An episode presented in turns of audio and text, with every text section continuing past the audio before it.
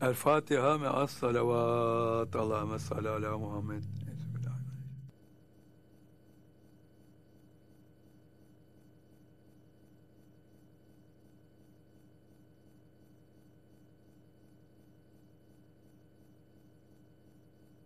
Esselamu Aleyküm ve Rahmetullah ve Berekatühü. Sevgili kardeşlerim, can dostlarım, gönül dostlarım. Allah'a sonsuz hamd ve şükrederiz ki bir defa daha Allah'ın bir zikir sohbetinde birlikteyiz.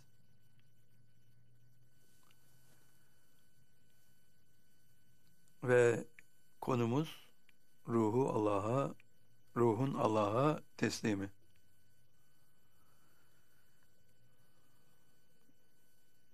İlk teslim edeceğimiz ruhumuzdur. İkincisi fizik vücudumuz, üçüncüsü nefsimiz, dördüncüsü irademiz.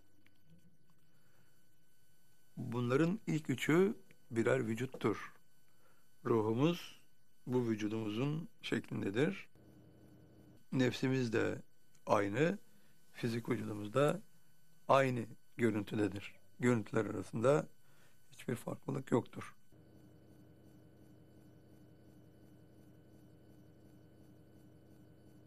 Ve üçü de netice itibariyle emanettir. Ama böyle bir vücut olmayan bir de irademiz var.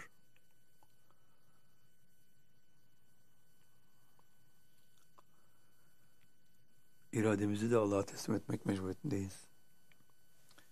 Bu akşamki konumuz ruhumuzun Allah'a teslimi. Kısaca ruhumuzu Allah'a teslim etmeden evvelki son aşamaya gelelim. Birinci basamakta olayları yaşıyoruz. İkinci basamakta olayları değerlendiriyoruz ve tavır ortaya koyuyoruz. Musibetlerle imtihan oluyoruz. Tavrımız ortaya çıkıyor musibetlere karşı ve olaylar karşısında nasıl davranıyoruz. Ve bu kademede allah Teala tarafından seçiliyoruz. Allah Teala diyor ki Allahu yeştebi ileyhi men yeşâhü ve yehdi ileyhi men yunib.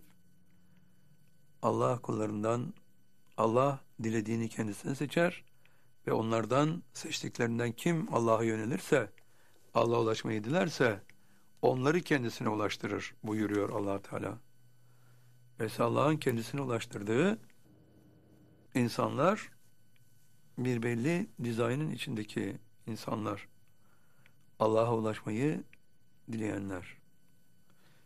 İşte ikinci basamakta Allah'ın seçtikleri insanların yüzde doksanından fazlasıdır. Ve onlardan her kim Allah'a ulaşmayı dilerse üçüncü basamağa ulaşır. Kalbinizden bir dilekle Allah'a dilemek mecburiyetindesiniz. Eğer dilerseniz mutlaka allah Teala kalbinizdeki bu talebi işitir, bilir ve görür. Ve gördüğü zaman da Rahim esmasıyla tecelliye başlar. Bu tecelli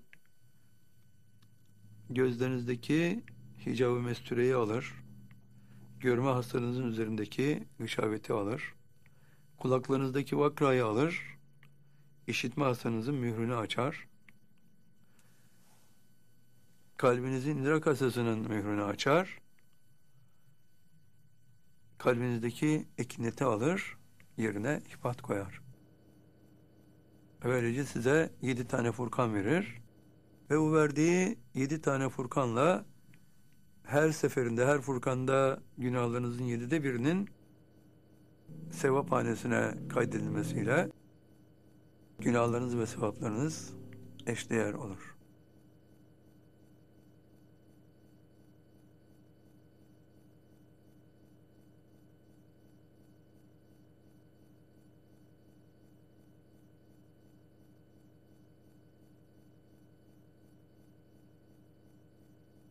Sevgili kardeşlerim, can dostlarım, gönül dostlarım.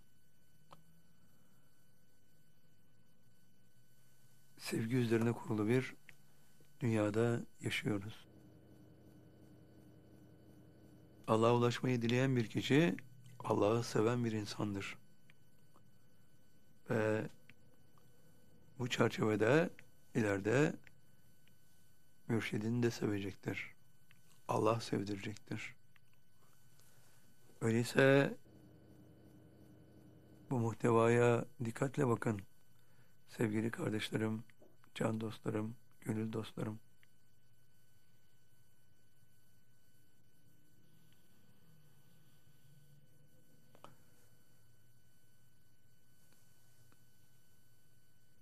Dini yaşamak, İslam'ı yaşamak ve kainatın yegane dini olan Hanef dinini yaşamak hep sevgi bazına dayalı bir dizaynı içerir.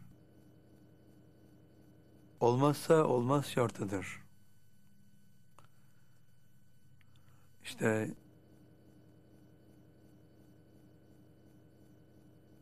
böyle bir noktada Allah'a ulaşmayı dileyen kişi de, kişinin Allah'a ulaşmayı dilediğini Allah işitir, bilir ve görür. Ve bunun üzerine kişi Allah'ın işittiği, bildiği ve gördüğü noktada Allah'a ulaşmayı dilemiş olan birisidir. Sadece onun kalbinde Allah'a ulaşma dileği vardır. Ve Allah Rahim esmasıyla tecelliye başlar. Dördüncü basamak. Bu tecellinin sonunda yedi tane Furkan günahlarımız kadar sevabı sevap hanemize kaydeder ve günah sevapları günahlarından daha yüksek olan birisi haline geliriz. O noktada kişi ölse gideceği yer mutlak olarak Allah'ın cennetidir. Çünkü bu kişinin sevapları günahlarını aşmıştır. Bir insan Allah'a ulaşmayı dilemezse Zümer suresinin 65. ayet-i kerimesi gereğince o kişinin kazandığı dereceler heba olur. Amelleri heba olur. Boşa gider. Sıfırlanır. Allah'a ulaşmayı dilemeyen bir insanın amel defteri sonuna kadar açık kalır. Hayatı boyunca hep allah Teala bekler ki o kişi Allah'a ulaşmayı dilesin de onun günahlarını örtsün. Ama dilemezse son noktada o kişinin bütün amelleri kendi kazandığı dereceler sıfırlanır. Ve bu kişi günahları mutlaka sevaplarından yüksek olan birisi olarak cehenneme girer. Allah'a ulaşmayı dilemeyen herkes için gidecek yer mutlaka cehennemdir. Çünkü amelleri boşa gitmiştir. Sonra bu kişi Allah'a ulaşmayı dilemiştir. Furkanları almıştır. Yedinci basamağa ulaşmıştır. Bundan sonra allah Teala o kişinin kalbine ulaşır. Sonra kalbinin nur kapısını Allah'a çevirir.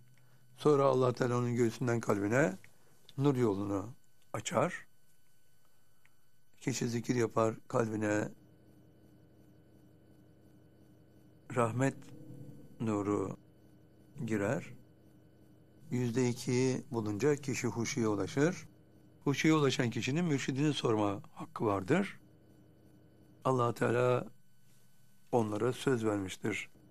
Kim bu seviyeye ulaşırsa Allah'a ulaşmayı dileyip de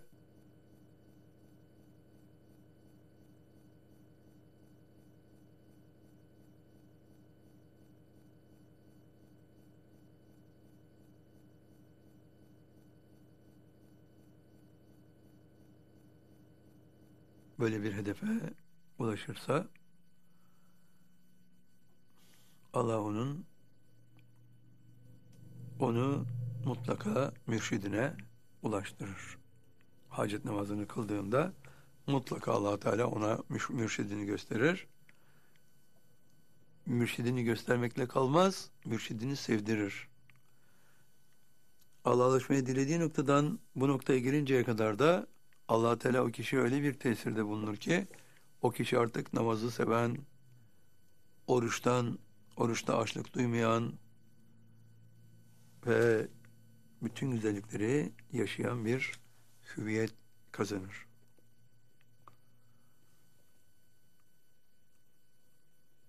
O kişi zikir yapar, zikirden hoşlanır, namaz kılar. Namaz kılmak onun için bir zevktir. O kişi Allah'ın ibadetlerini yaparken sadece zevklerini yaşar. işte bu kişi Allah'a ulaşmayı dileyen kişidir. Ve Allah onu mutlaka mürşidine ulaştırır. Bu akşam mürşidine ulaşan bir kişinin ruhunu Allah'a ulaştırması olayını beraberce inşallah gözden geçireceğiz. Mürşidine ulaştığı zaman kişi ne olur? Bu kişi allah Teala'dan 12 tane ihsan almıştır, mürşidine ulaşmıştır. Şimdi 7 tane de nimet alacaktır. Birinci nimet başının üzerine devrin imamının ruhunun gelmesidir. İkinci nimet kalbinin içine imanın yazılmasıdır. Üçüncü nimet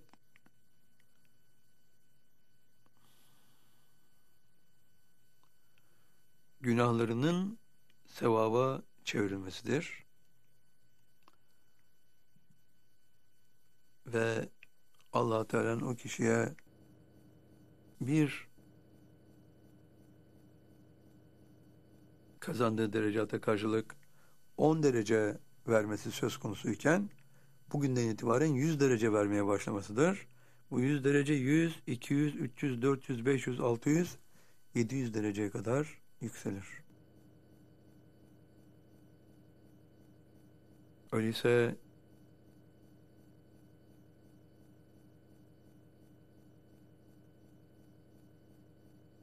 bu noktadan itibaren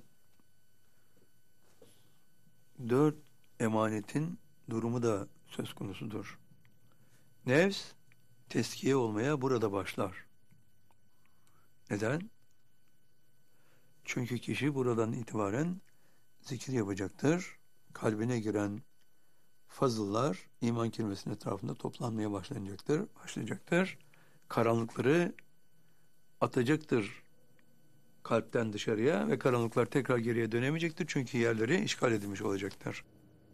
Bu nefs tezkiyesidir. Nefs tezkiyeye başlar. Fizik vücut nefs tezkiye oldukça nefsin afetlerine karşı her geçen gün daha çok güçlenir. Ve Allah'ın söylediklerini, emirlerini daha üst seviyede yapmaya başlar. Ve daha ötede irademiz her geçen gün nefsin afetleri azaldığı için biraz daha güçlenir.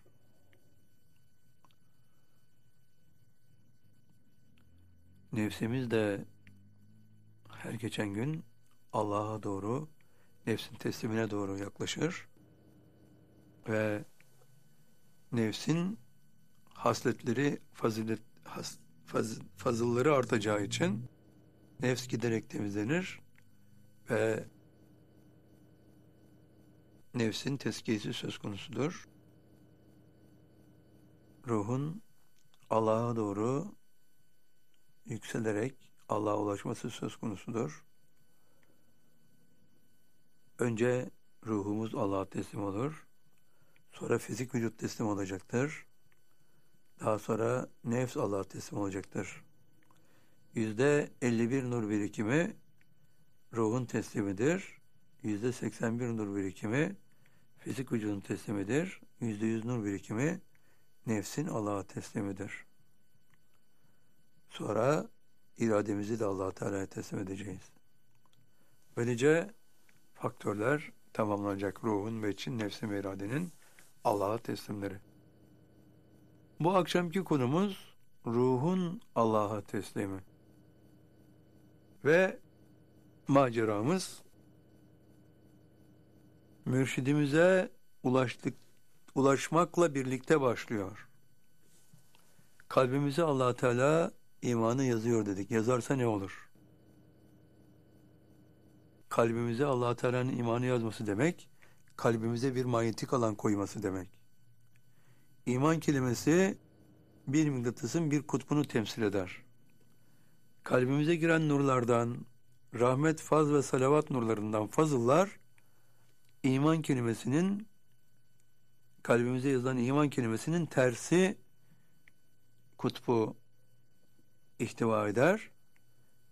Zıt kutuplar birbirini çekeceği için zikir yaptığımız zaman kalbimize giren rahmet faz ve salavat nurlarından fazılları iman kelimesi kendisine çeker ve fazıllar iman kelimesinin etrafında ona yapışıp toplanmaya başlar.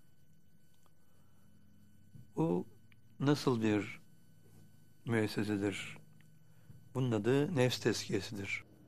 allah Teala Nur suresinin 21. ayet-i kerimesinde diyor ki ve levla fadlullahi aleyhim ve rahmetehu ma zeka minhum ebeden ehada. Eğer Allah'ın rahmeti ve fazlı üzerinize olmazsa içinizden hiçbiriniz nefsinizi teskiye edemezsiniz.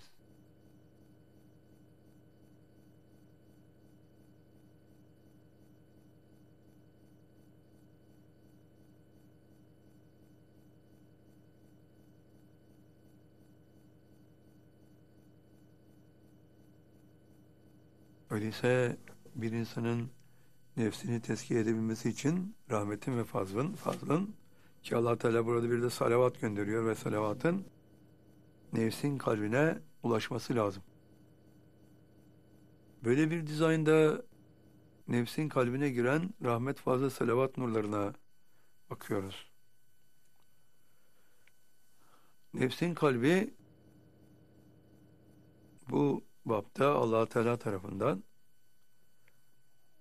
başlangıçta kapkaranlık bir dizaynla vücuda gelmiştir. Nefs kalbi bir kişinin doğuşundan itibaren bütünüyle afetlerden oluşur. Öfke, kin, kıskançlık, haset, isyan, düşmanlık, bütün negatif faktörler nefsinizin kalbindeki afetleri oluşturur. Sevgili kardeşlerim, bu afetlere dikkatle bakın.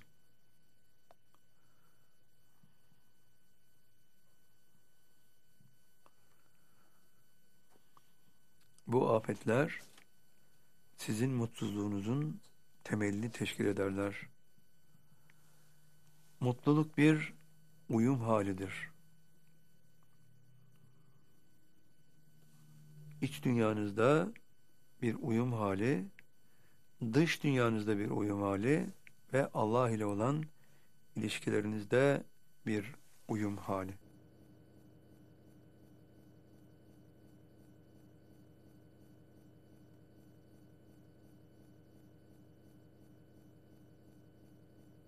Sevgili kardeşlerim, can dostlarım, gönül dostlarım,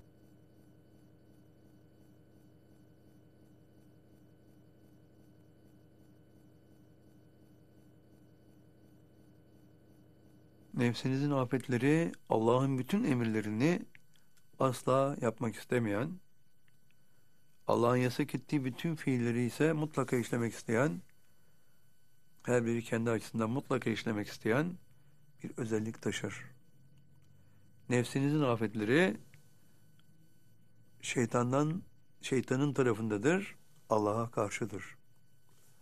Ruhunuzsa hasletlerden oluşur, yüzde yüz. Onun da bütün muhtevası hasletlerin Allah'ın bütün emirlerini mutlaka yerine getirmek, yasak ettiği fiilleri ise asla işlememek. İşte sevgili kardeşlerim, can dostlarım, gönül dostlarım, kulvara herkes eşit şartlarda çıkar. Karanlık kadar aydınlık, geceyle gündüz bir arada nefsiniz ve ruhunuz ve ruhunuz Allah'a doğru yola çıktığı zaman ancak nefs tezkiyesine başlayabilirsiniz. Başlangıçtaki denge, yüzde ellilik denge,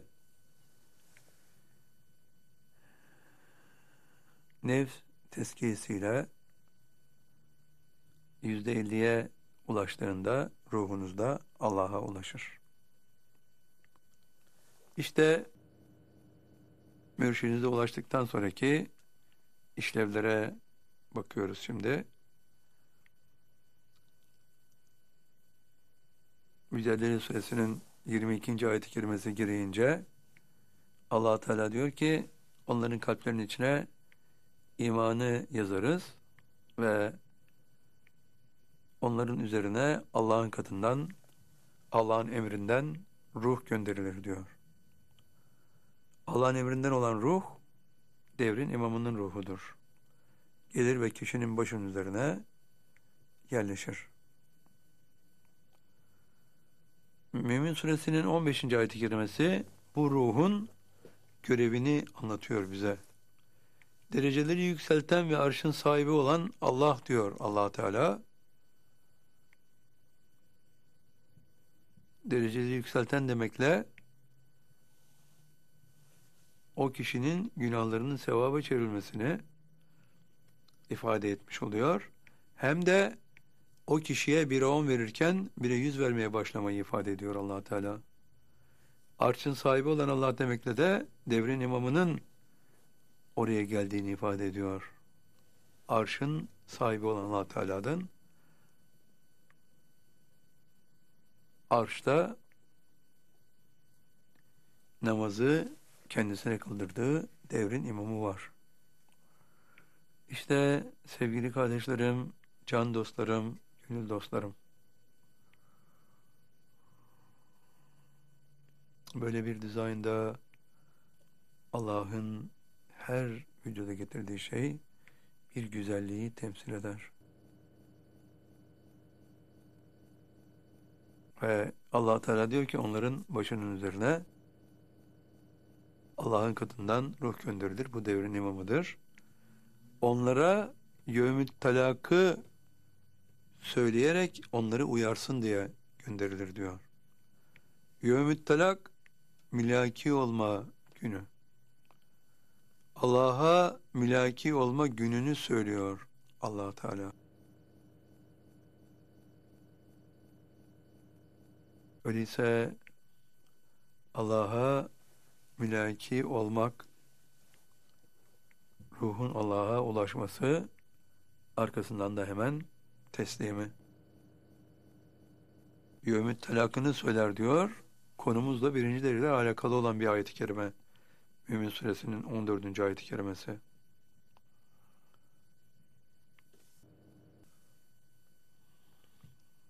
Ve bakıyoruz ki allah Teala Furkan suresinin 70. ayet-i kerimesinde diyor ki Furkan 69'da cehenneme gidenlerden bahsediyor allah Teala. Onlar cehenneme gideceklerdir diyor. Ve 70. ayet-i kerimede de diyor ki ama kim tövbe eder de mümin olursa nefsinin kalbine iman yazıldığı için imanı artan bir mümin olursa ikinci defa amin olursa bu imanı artan mümin olmak demektir. Ve nefs tezkiyesi yaparsa burası kesin olarak bu noktayı ifade ediyor. Çünkü nefs tezkiyesi burada başlar. Allah onların günahlarını, seyyiatini hasenata, sevaba çevirir diyor allah Teala. Günahların sevaba çevrilmesi Mümin Suresinin 14. ayet-i kerimesinde 15. ayet-i kerimesinde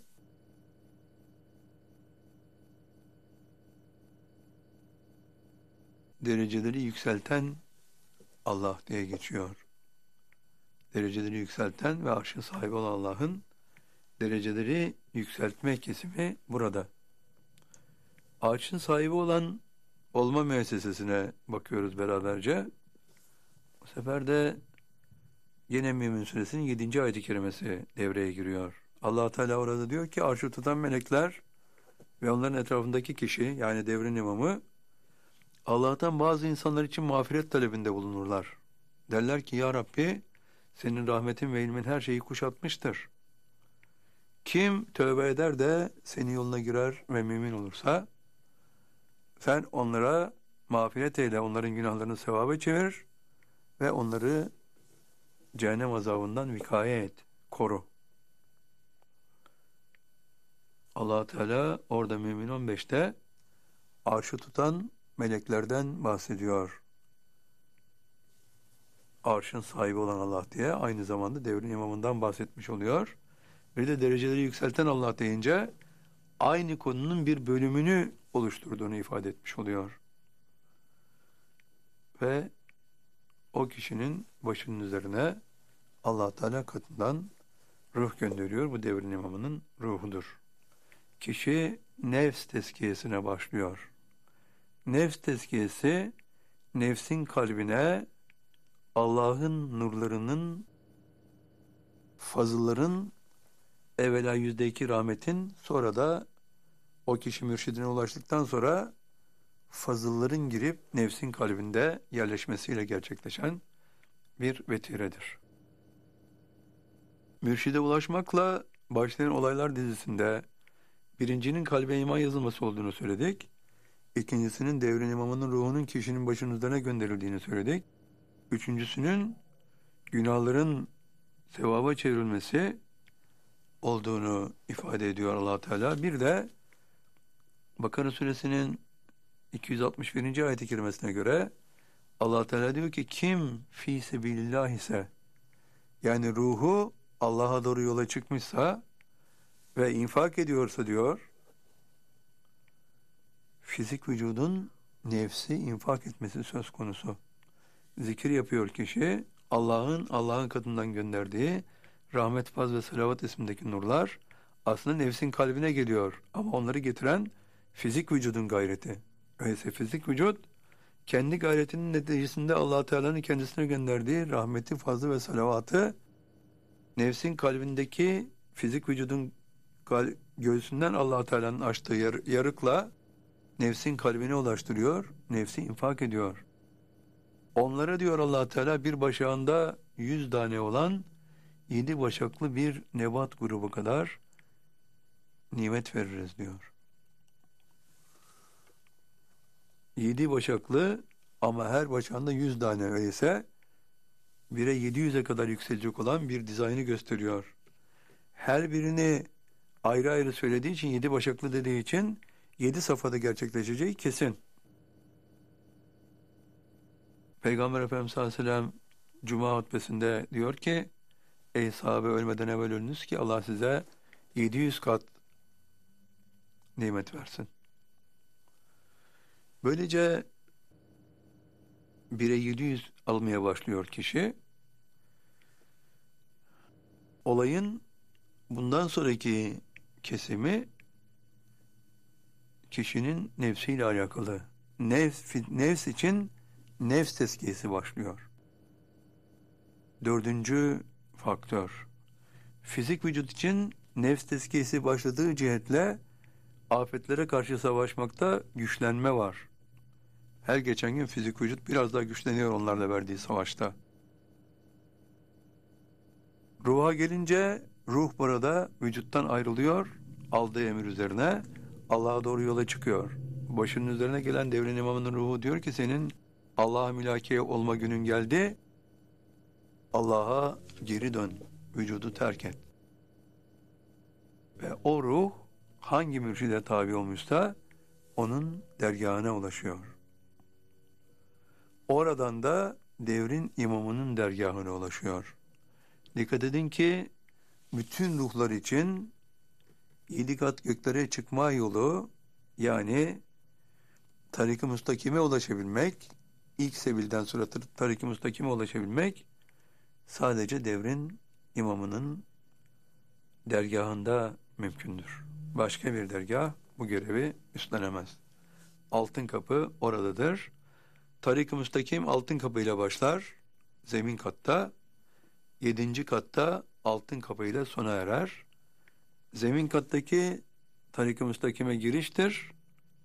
Yedinci kattaki tarik-ı müstakimden çıkış ve yedinci gök katına levh-i mahfuza dahil olmaktır. İkisi de aynı büyüklükte bir altın kapıyı ifade eder. Yedinci kattakinin fazlalığı yedi tane beyaz mermerden merdiven olmasıdır kapının alt tarafında. Sevgili kardeşlerim, can dostlarım, gönül dostlarım. Ve kişinin iradesi güçlenmeye başlar. Afetlerin azalması nispetinde. Hem fizik vücut güçleniyor, hem nefsin afetleri azaldıkça nefs şeytana karşı başarı kazanabilecek olan bir hüviyet kazanıyor. Hem de nihai neticeye ulaşıyoruz. Öyleyse sevgili kardeşlerim, can dostlarım, gönül dostlarım. Allah ile olan ilişkilerinizde burası bir ruhun Allah'a doğru yola çıkış noktasıdır. Ruhunuz burada vücudunuzdan ayrılmıştır. 14. basamak. Ruhunuzun Allah'a doğru yapacağı yolculuk seyresülük burada başlar. Ve bu noktadan itibaren nefsinizdeki nefsiniz yüzde yüz afetlerde dolu olarak 10. basamağa ulaşırsınız. Sadece yüzde iki rahmet birikimiyle 14. basamağa ulaşırsınız. Nefsinizin kalbinde sadece yüzde iki rahmet vardır. Yüzde 98 kapkaranlıktır. Ama siz Allah'a ulaşmayı dilediğiniz noktadan itibaren Allah size kontrolü altına almıştır. Tağutla ilişkinizi kesmiştir. Bu sebeple tağutun negatif direktifleri, sizi Allah'ın yolundan ayırma gayretleri netice vermez. Netice vermesi mümkün değildir. Bu mümkün olamaz. Çünkü allah Teala şeytanla ilişkinizi kesmiştir. Bu ilişki tamamen sona ermiştir. allah Teala hepinizi o şeytanın, tağutun vesvesesinden, tağutun telkinlerinden mutlak olarak korur. Bir başka ifadeyle tağutun kulu olmaktan Allah'a ulaşmayı dilediğiniz an kurtulursunuz. Allah'ın koruyucu kalkanının altına girmiş olursunuz. Allah'a ulaşıncaya kadar ruhunuz, şeytan size hiçbir şey yapamaz. Allah'ın yolundan sizi ne yaparsa yapsın ayırması mümkün değildir. Gücü hiç kimseye geçmez. Bu üçüncü basamaktan itibaren 21. basamağa kadar geçen İslami merdivenlerde şeytanın o kişiye hiçbir tesiri oluşamaz. Eğer o kişi gerçekten Allah'a ulaşmayı dilediyse hiçbir kuvvet o kişinin ruhunun Allah'a ulaşmasına mümkün olamaz. Allah'a teslim olmasına mümkün olamaz. Mani, affedersiniz mani olamaz. Öyleyse nefs tezkiyesine başladınız. Ne yapacaksınız? Zikir yapacaksınız. Allah, Allah, Allah, Allah, Allah diye zikir yapacaksınız.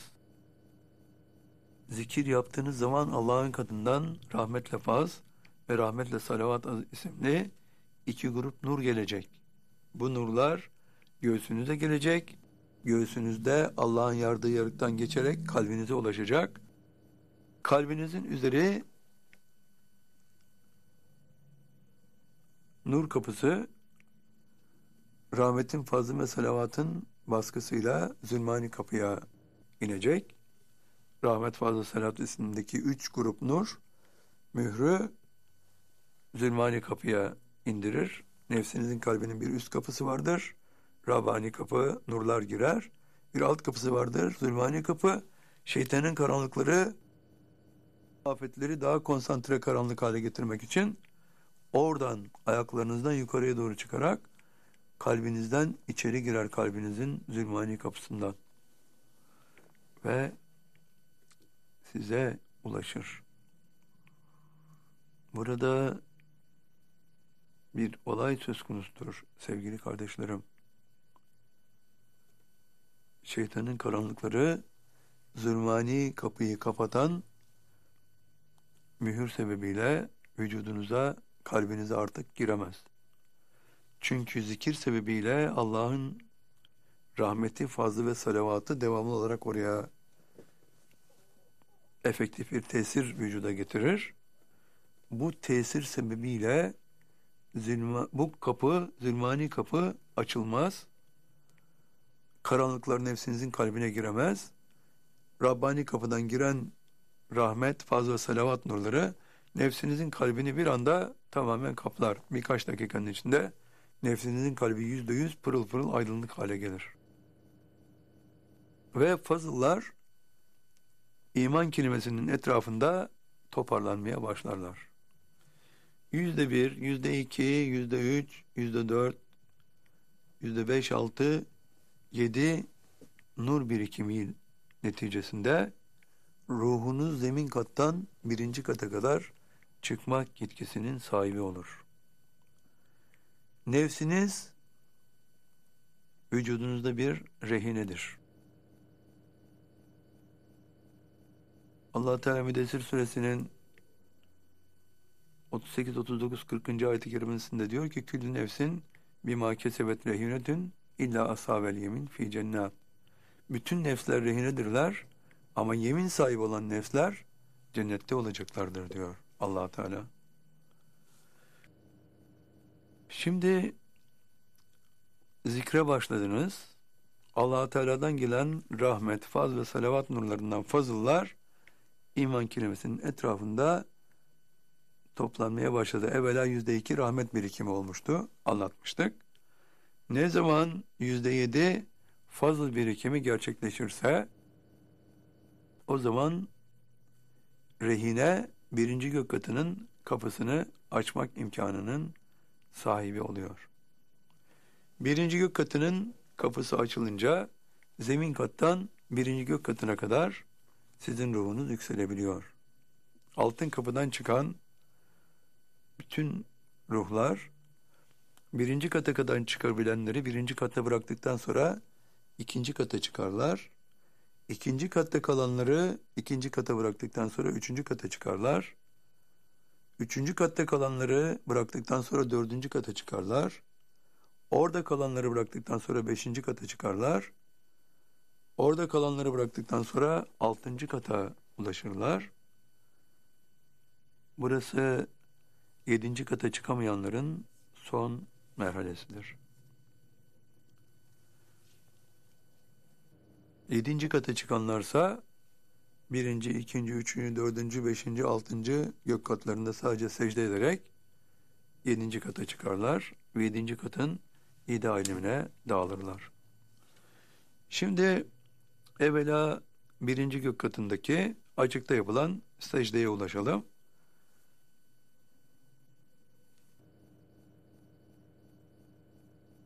Ana dergahtaki olayda ruhların Allah'a doğru yola çıkması söz konusu ve onarlık sıralar halinde bulunan insan ruhlarında önce erkekler sırası gelir. Arkadan da erkeklerin sonucu son, sona ermesinden sonra hanımlar sırası gelir. Erkeklerin birinci sırasında sol kanat velisi ve sağ kanat velisi karşılıklı yerlerde yerlerini almışlardır. Ve yedinci kata kadar çekebilenler evvela altın kapıdan çıkarlar. Birinci gök katında secde ederler. İkinci gök katında sıvı sıvarılma havuzlarının sağ tarafındaki bir kesimde secde ederler ve beklerler. Seyri altıncı katına kadar çıkabilenler o büyük sıranın muhtevası içindedirler. Yedinci kata kadar çıkabilenlerse ana dergahtaki asma katın sahipleridir.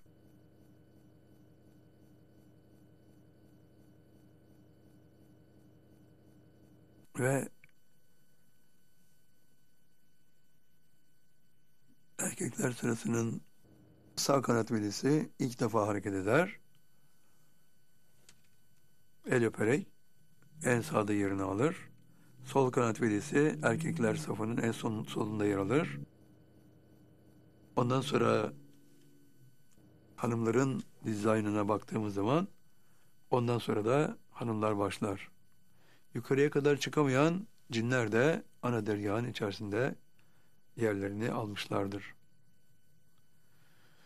Ve sağ kanat velisinden itibaren önce sağ kanat velisi, sonra sol kanat velisi, sonra hanım sultan farklı merhalelerle boşlukta yerlerini alırlar.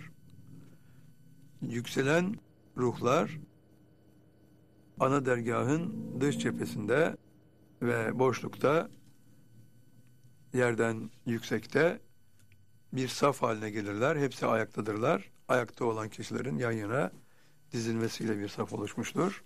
Ve bu saf halinde bir yükselme söz konusu olur. Zemin kattan birinci kata kadar ulaşılır. Sağda sağ kanat velisi, solda sol kanat velisi erkeklerde. Sonra hanımlar, hanımların sonunda da hanım sultan. Böylece birinci katta onar sıralar halinde bir secde gerçekleşir. Bu birinci kata ulaşmadır. Herhangi bir binanın içinde değil, dışarıda secde edilir.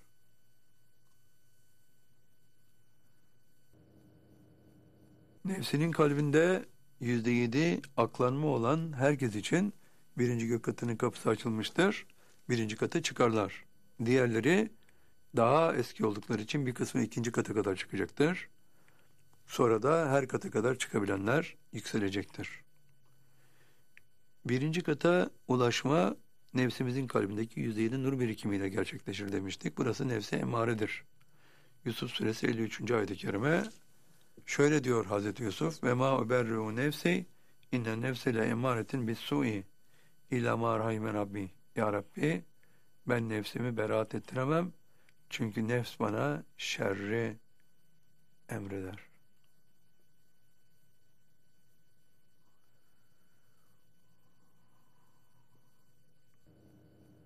Sevgili kardeşlerim, can dostlarım, gönül dostlarım.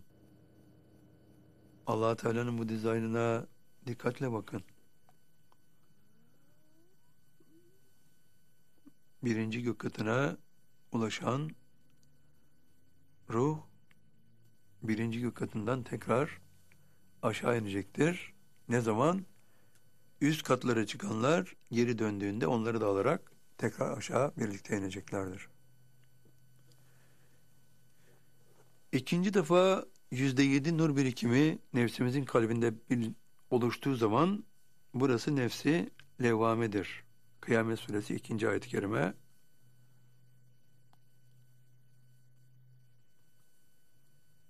allah Teala o levamı nefse hayır öyle değil diyor.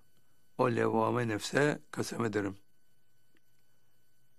Fela uksimu bin nefsi levameti. Bu kademede nefsimizin kalbinde ikinci defa yüzde yedi fazıl birikimi gerçekleşmiştir. Yüzde iki rahmet birikimi hiç değişmiyor. Hep öyle kalıyor. Artık hep yüzde yedi, yüzde yedi fazıllar yerleşecektir nefsimizin kalbine ve böylece yükselmeler devam edecektir. İkinci defa yüzde yedi nur birikimi nefsi levame rehine tarafından ikinci gök katının kapısının açılması ve ikinci gök katına ulaşma. İkinci gök katı suvarılma havuzlarını ifade eder.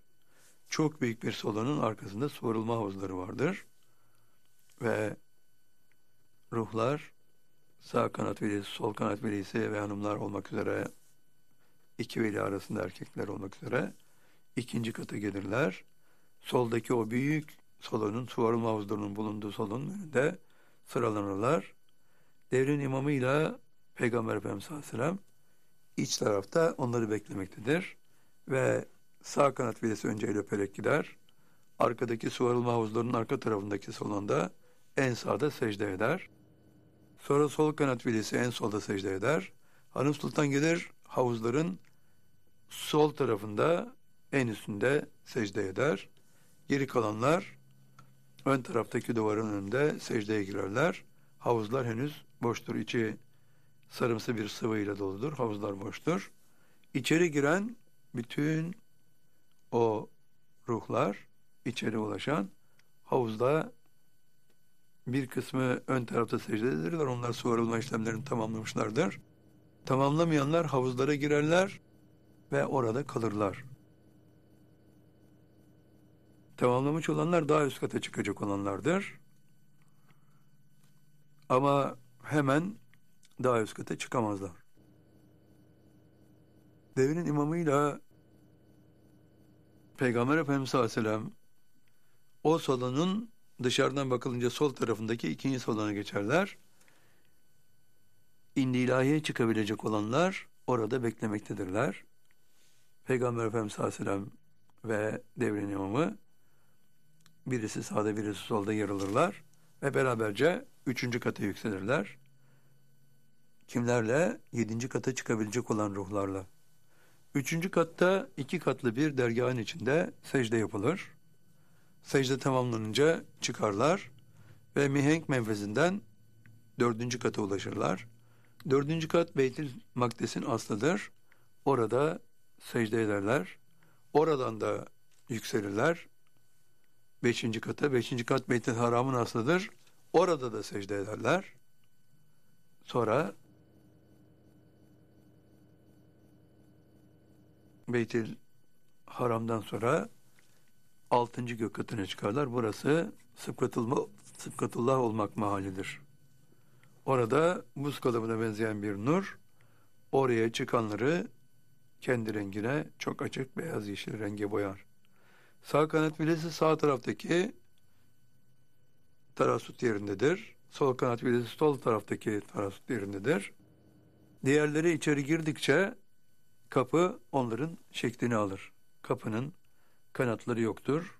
Bir boşluk vardır sadece. Ama devamlı şekil değiştiren bir kapı. İçeri girenler orada yüzleri o nurun rengine bürünür ve çatlar. Yüzleri, elleri çatlar ve bu çatlamanın tedavisine girilir.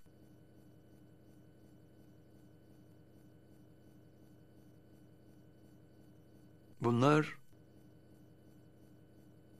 yedi katı daha henüz tamamlamış, tamamlamamış olanlar içindir. Ama yedinci kata çıkabilenler için burada da sadece o salona giriş söz konusudur. Sonra kubbeden yedinci gök altın kapısına ulaşmak söz konusudur. Oradan da yedinci katın içine girilir. Ve yedinci katın birinci alemi zikir hücreleridir. Orada sağdan sola doğru bir sıra oluştururlar. Sonra sadece zikir hücrelerin, e, kader hücrelerinde, kader hücreleridir zikir hücreleri dediysek afola, kader hücreleri 24 saatlik hücreler olarak sonsuza doğru uzanırlar. Ve o kader hücrelerinin en solunda kalanlar orada kader hücrelerinde kalacak olanlardır. Diğerleri oradan Ümmül Kitab'a giderler. Bir kısmı orada kalır. Oradan Kudret Denizi'ne ulaşırlar. Bir kısmı Kudret Denizi'ne dalarlar. Oradan Makam Mahmud'a ulaşırlar. Bir kısmı Makam Mahmud'da kalırlar. Oradan Divan-ı Salih'ine ulaşırlar. Bir kısmı Divan-ı Salih'inde kalırlar. Oradan da zikir hücrelerine ulaşırlar. Zikir hücrelerinde geri kalan hepsi orada kalır. Yedinci kata kadar ulaşanlar burada yedinci katta bir süre bekleyeceklerdir.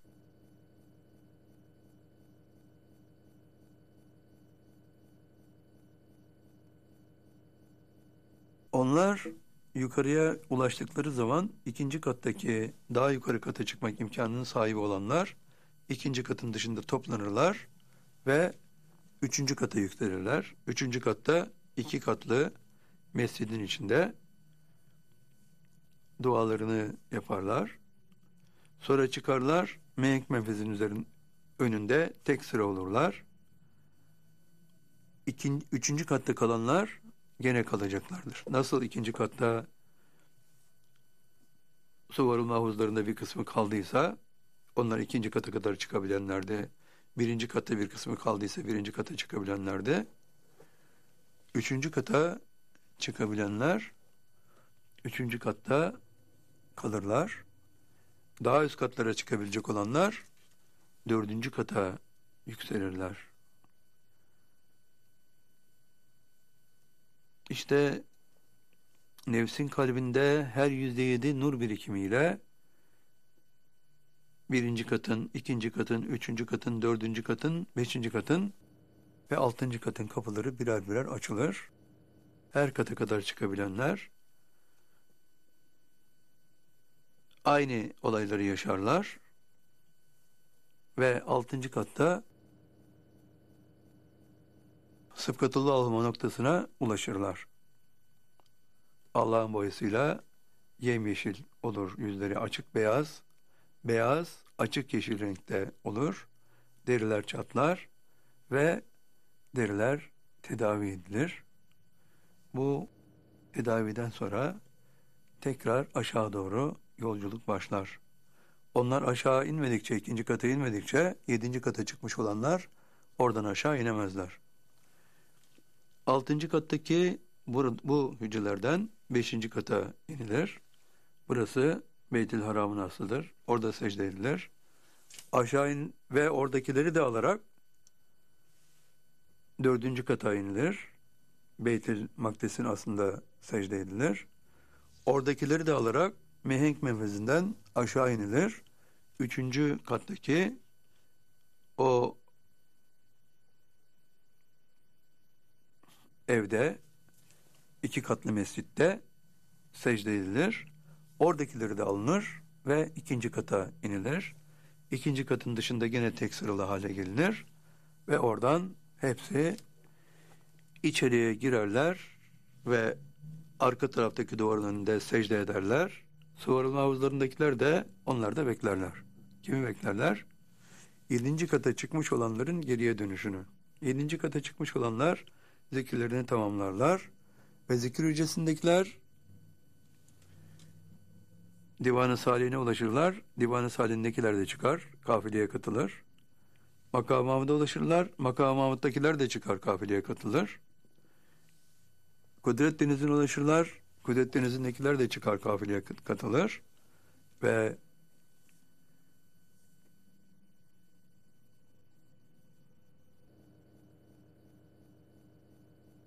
Ümmül Kitap'a ulaşırlar. Ümmül Kitap'takiler de kafileye katılır. Ve hepsi gelerek o platform üzerinde tekrar bütünleşirler.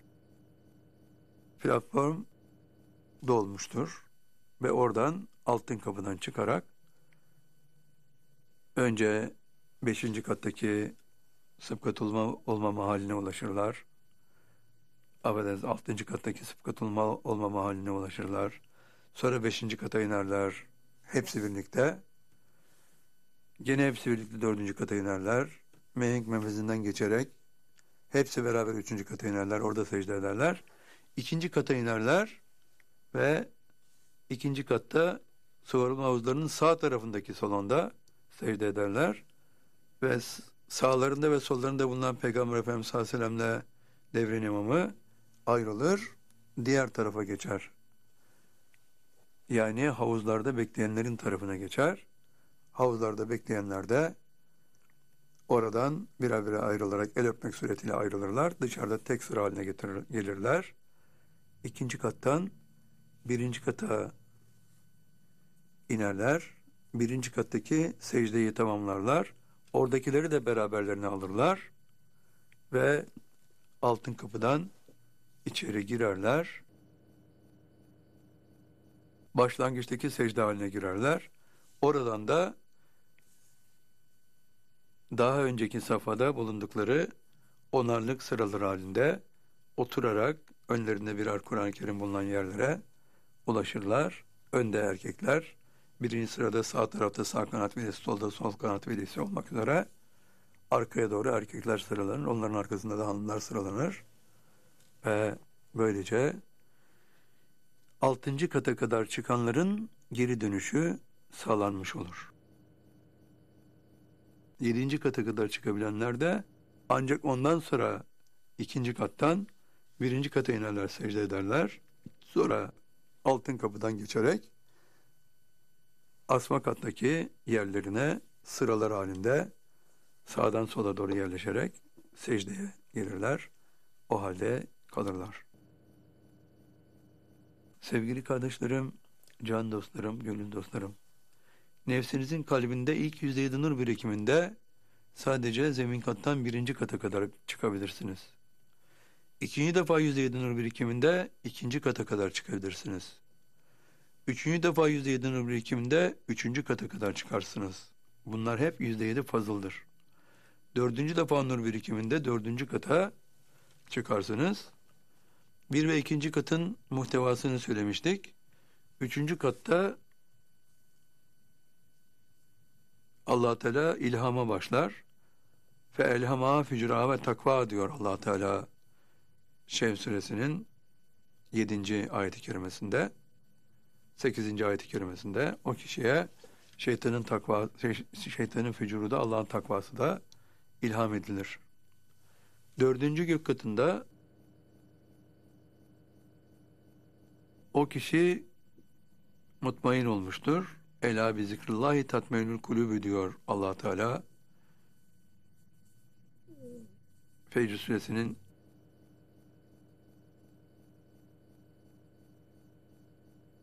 o kişiye Allah'ın o kişi biliniz ki kalpler Allah'ı zikretmekle mutmain olur. Ela bi zikrullahi tatmeünül kulübü buyuruyor allah Teala. Burası dördüncü katı ifade eder. Nefsi mutmaineyi ifade eder. Sonra beşinci gök katında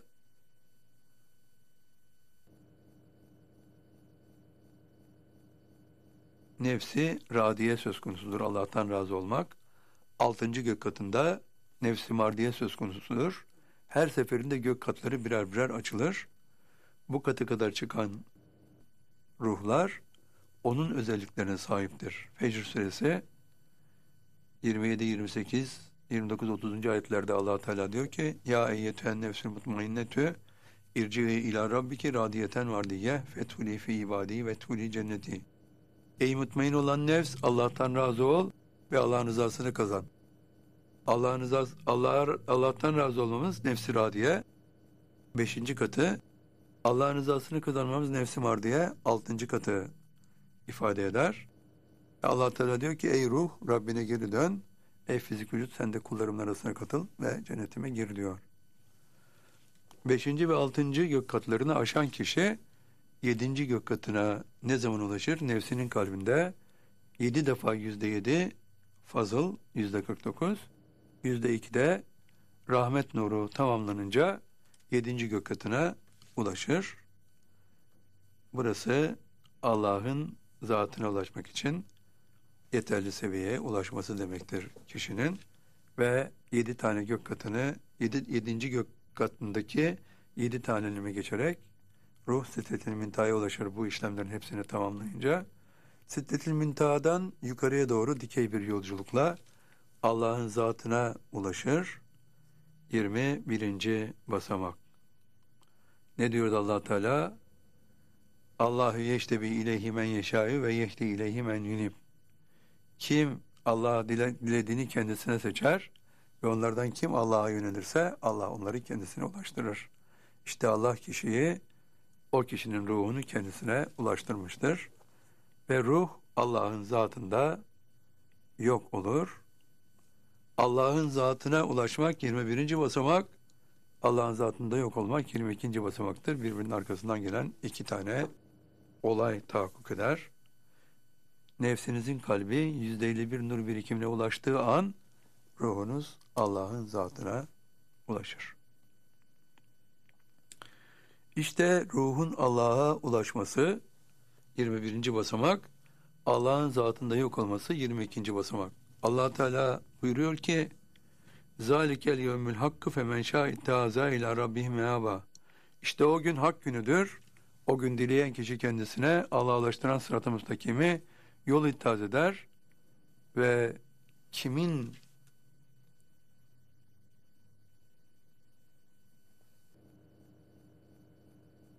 buradaki hüviyet Allah'ın zatına ulaşmak kimin ruhu Allah'ın zatına ulaşırsa Allah'ın zatı o kişinin ruhuna meap olur diyor allah Teala, sığınak olur diyor. Sığınak olması demek ruhun Allah'ın zatında yok olması demek. Bu makama fenafillah deniyor. Allah'a ulaşan ruh Allah'ın zatında yok oluyor ve Allah ile birleşmiş oluyor. Allah'ın zatında yok oluyor ruh. İşte bu ruhun Allah'a teslimidir. Sevgili kardeşlerim, can dostlarım, gönül dostlarım, işte bir gece daha sizlerle beraber bir müesseseyi açıklamak imkanına kavuştuk. Ruhun fizik vücuttan ayrılarak yedi tane gök katını aşarak seyre suluk adlı bir yolculukla Allah'ın zatına ulaşması keyfiyeti. Allah Teala'dan hepinize hem cennet saadetini hem de dünya saadetini dilerken sözlerimizi inşallah burada tamamlıyoruz. Allah hepinizden razı olsun. El Fatiha ve as salavat. Allahümme salli ala Muhammed.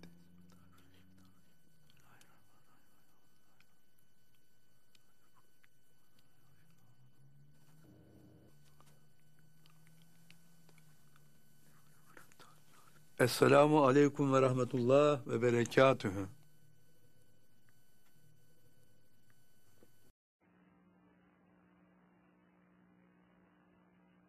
El-Fatiha me az salavat. Allahümme salli ala Muhammed. Nebiyyillahimineşşeytanirracim. Elhamdülillahi Rabbil alemin. Errahmanirrahim. Maliki yevmiddin. İyyâke nâbudu ve iyyâke nestaîn. İhdinas sırâtal mustakîm. صراط الذين أنعمت عليهم غير المغضوب عليهم ولا الضالين آمين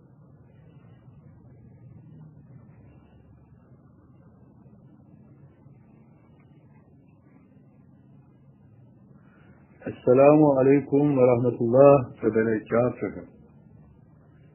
Euzu billahi mineşşeytanirracim. Bismillahirrahmanirrahim.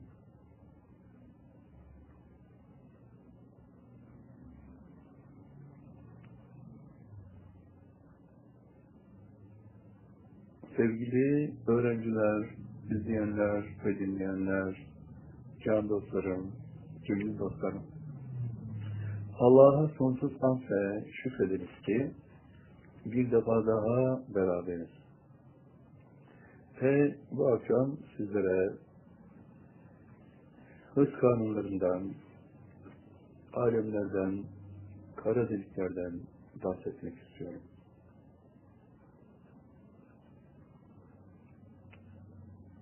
Yaratılışın kainatın yaratılması kesimini beraberce görmüştük.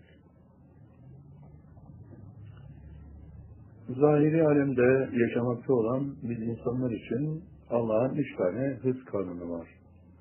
Bir, ışık hızı. Saniyede 300 bin kilometrelik bir hız. İki, ışık hızının altındaki hızlar kinetik enerji ve itiş enerjisi, enerjisi usulüne gelen hızlar. Üç, üst hız kanunu. Işık hızının ötesindeki hızlar.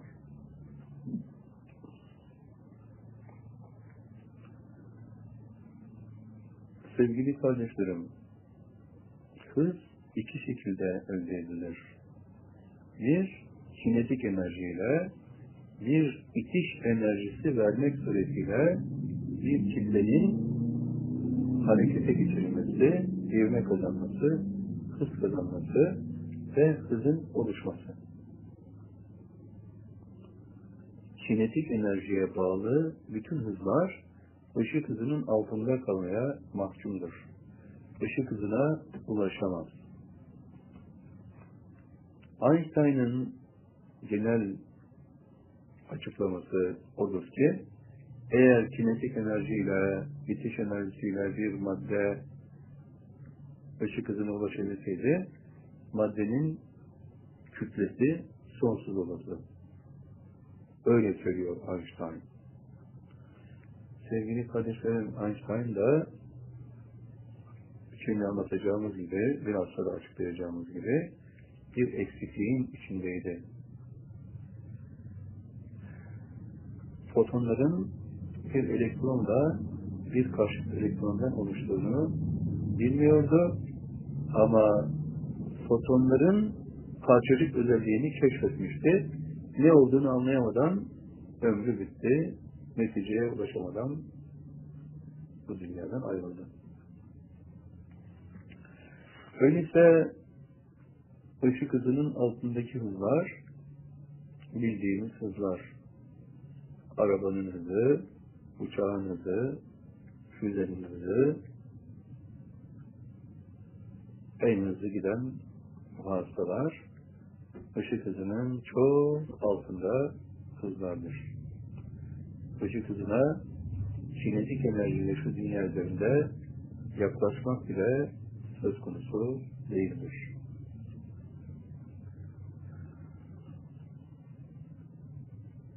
Öyleyse ışık hızı, ışık hızı dedikleri şey nedir? Foton nasıl bir yapı taşır? Sevgili öğrenciler, izleyenler ve dinleyenler. Bunu gerçek anlamda neticesine ulaştırabilmemiz için evvela elektrondan, karşıt elektrondan başlamak mecburiyetindeyiz. Biliyoruz ki protonlar elektronlardan ve karşıt elektronlardan oluşurlar.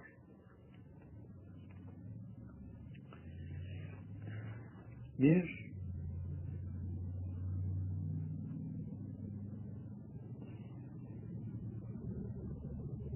protonun bir nötronun muhtevasına baktığımız zaman protonda 3675 tane elektronla ondan bir fazla sayıda 3676 tane karşıt elektron görürüz. Nötronda ise bunlar eşittir. 3676 tane elektronla 3676 tane karşıt elektron. Bu elektronlar iki kuark oluşturur. Bir sağ spinli, bir sol spinli. Karşıt elektronlar da iki kuark oluşturur. Bir sağ spinli, bir sol, sol spinli.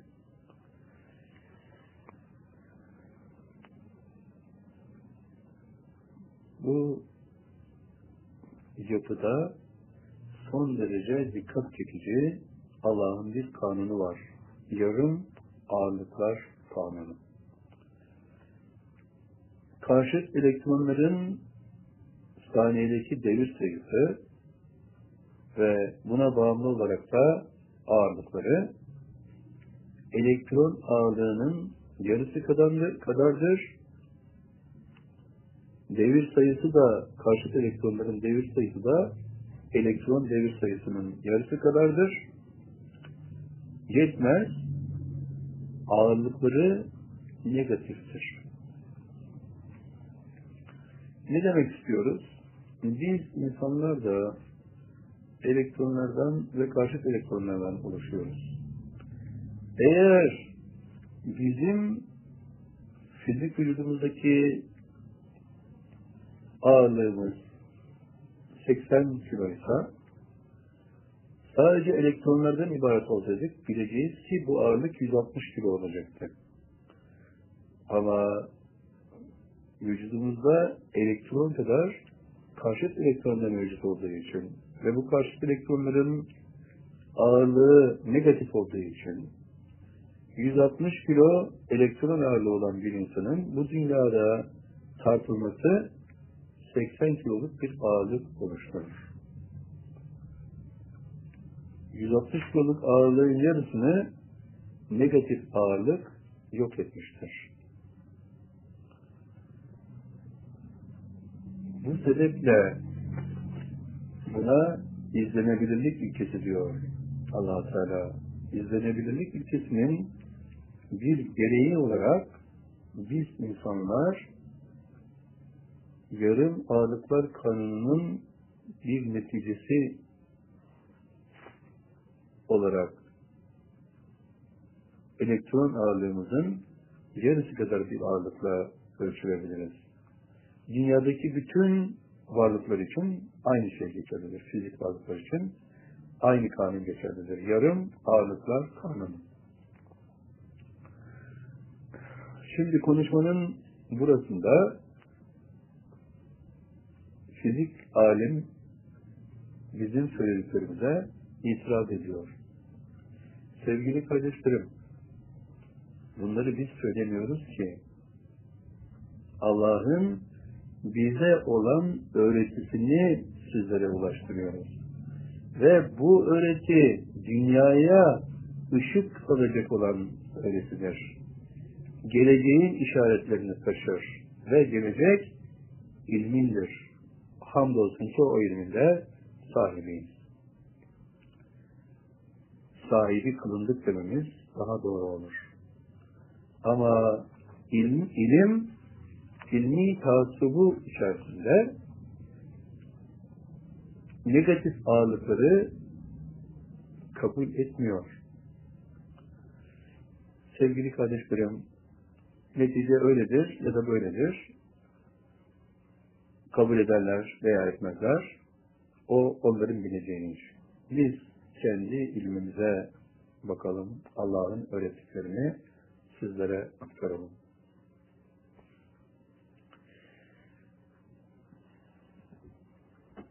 Demek ki elektronların ağırlığı negatif ağırlık değil, pozitif ağırlık.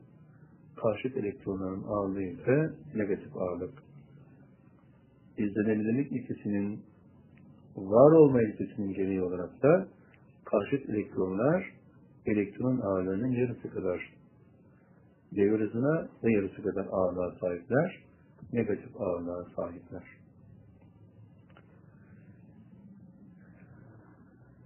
Bu sebeple 3676 tane elektronla 1800 3676 tane de karşıt elektrondan oluşan bir hidrojen atomu 1838 elektron ağırlığı kadardır.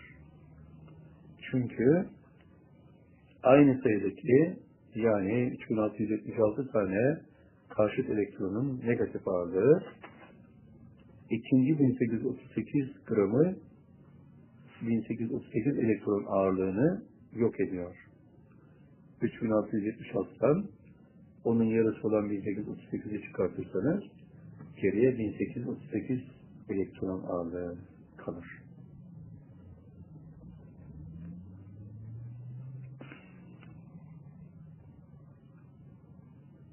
Bu bir nötronun ağırlığıdır.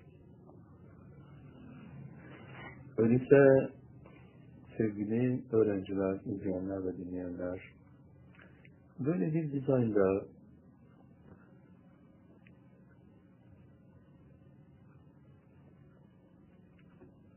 elektronlarla karşıt elektronların bir enerji akımına maruz kaldıklarında bazılarında bir değişim oluyor. Bir takım soy madenlerde elektrik enerjisi verildiği zaman hardcore haline gelen bütün madenlerde bu özellik var. Hangi özellik var? Elektrik enerjisi elektronlara ve karşıt elektronlara ulaştığında karşıt elektronların enerjiden aldığı payın karşıt elektronlardaki tesiri daha üst seviyede oluşuyor. Yani karşıt elektronların devir sayısı elektron devir sayısından daha hızlı artıyor. Peki bu ne oluşturur? Bu fotonu oluşturur. Foton bir denge unsurudur. Aynı ağırlığa sahip olan bir elektronla bir karşıt elektron aynı ağırlığa ulaştıkları anda mutlaka bir çekim alanının sahibi olurlar. Manyetik alanları onları eşleştikleri anda karşıt elektronun devir sayısıyla elektron devir sayısı eşit olduğu anda iki taraftaki manyetik alan karşı tarafı mutlaka cezbeder. Bundan evvel veya sonra bu sağlam bağımlılık oluşmaz. Dikkat edin bu ışık hızının oluşma noktasıdır. Maddenin içindeki elektronlar ve karşıt elektronlar elektrik enerjisinden aldıkları etkiyle devir sayılarını arttırırlar. Ama karşıt elektronların devir sayısı elektron devir sayısının iki katı hızla artar. Yani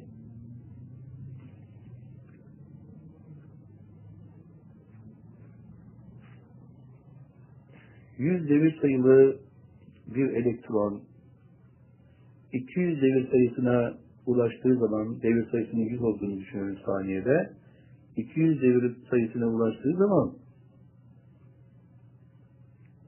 onun yarısı kadar devir sayısına sahip olan bir karşıt elektron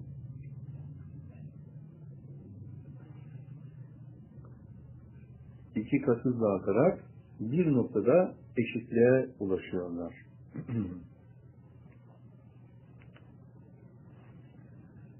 bir noktada elektron devir sayısıyla karşıt elektron devir sayısı birbirine eşit oluyor ve eşleşme oluşuyor. Bu noktada birbirlerine çok enteresan bir etkiyle etkileşime girerdir elektronla bir karşıt elektron. Etkileşme dominant olandan başlar, elektrondan başlar. Elektron karşıt elektronu kendisine çeker. Bu çekimde gelen parça karşıt elektron elektronu etki alanına alarak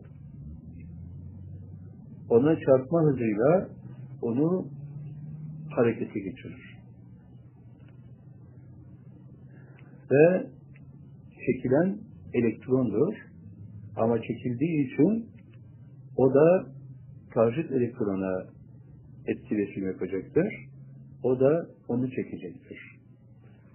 Böylece maddenin kendi içindeki enerji saniyede 300 bin kilometrelik bir çekim alanı oluşturur.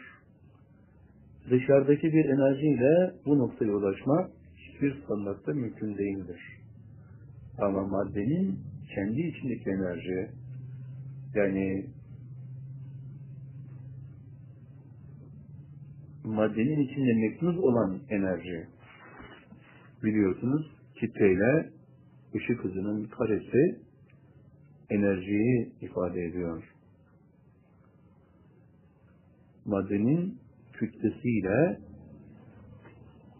ışık hızının karesinin çarpılması. Öyleyse madde kendi içinde muhteşem bir enerjiyi taşır. Bu enerji onu ışık hızına ulaştırdığı gibi sonsuz hıza da ulaştıracaktır. Öyleyse bir soy madeninin içinde veya floresan lambalarında kullanılan gazlardan herhangi birinde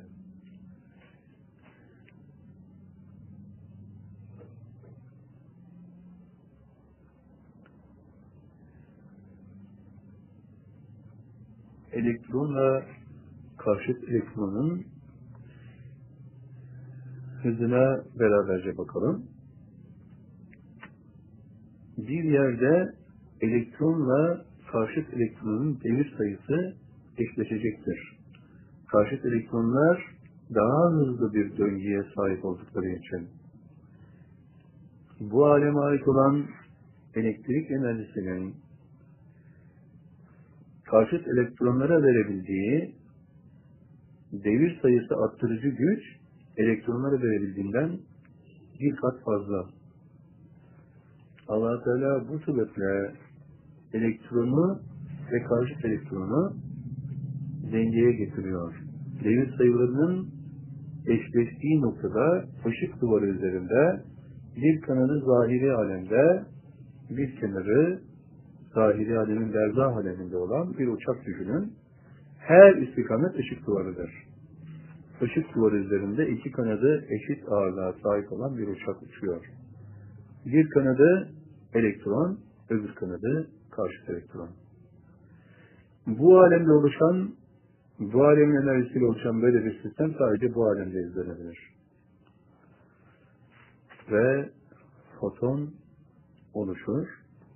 Hareket halindeki iki parçacık hangi açıdan birbirlerine buluşmuşlarsa, vasıl olmuşlarsa o açının bileşkesi ve açının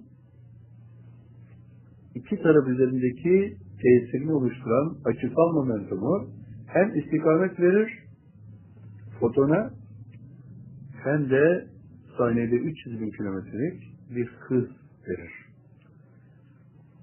Birbirini devamlı birbiriyle hareket halinde olan bir sistem, bir elektronla bir karşıt elektron, sonsuz sayıda elektronla sonsuz sayıda karşıt elektron bir hareket unsuru oluşturur. Bu hız, bunun hızı saniyede 300 bin kilometredir. Işıkının altındaki hızlar için bir şey söylemeye gerek yok hepiniz. Bunu çok iyi biliyorsunuz. Işık hızına gelince bu sadece maddenin kendi içindeki meknuz olan, var olan ve o enerjinin kullanılmasıyla ulaşılabilen bir hızdır. İtiş enerjisiyle, kinetik enerjisi, enerjiyle ışık hızına ulaşmak mümkün değildir. Öyleyse buradaki dengeyi görüyoruz. Fotonların hızı saniyede 300 bin kilometre. Bir gama fotonu bir kurşun duvara veya bir aynaya çarptığı zaman bir olay vücuda geliyor. Zamanımızın ilmi olayın mahiyetinin ne olduğunu bilmediği için ve idrak de edemediği, edemedikleri için çift foton olayı diyorlar buna. Yani bir foton ikiye ayrılıyor, iki foton oluyor diye değerlendiriyorlar. Bir gama fotonu bir kurşun duvara vurduğu zaman ne oluyor?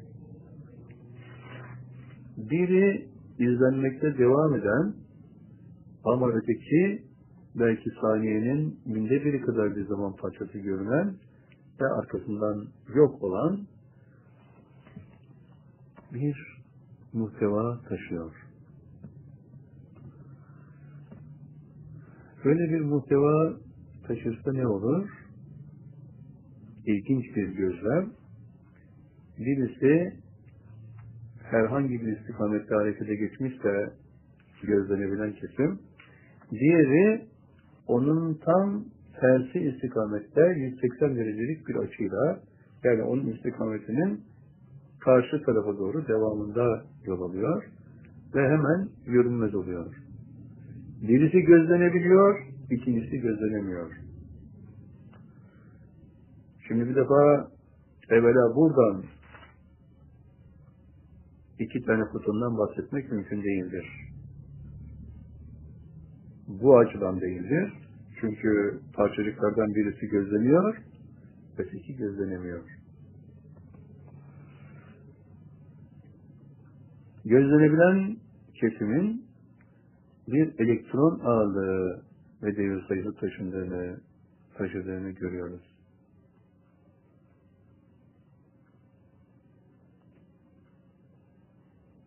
İzlenebilen parçacık bir elektron. Şimdi sevgili kardeşlerim, burada bir kanun geçerli. Yapılan bütün incelemeler şunu göstermiştir ki bir foton ağırlıksızdır. Bütün fotonlar sıfır ağırlıklıdır. Yapılan bütün gözlemler aynı sonuca ulaşmıştır ki bütün fotonlar sıfır ağırlıklıdır.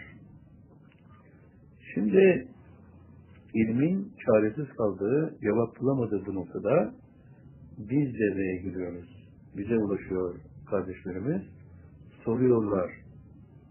Böyle bir durum çok garip bir durum.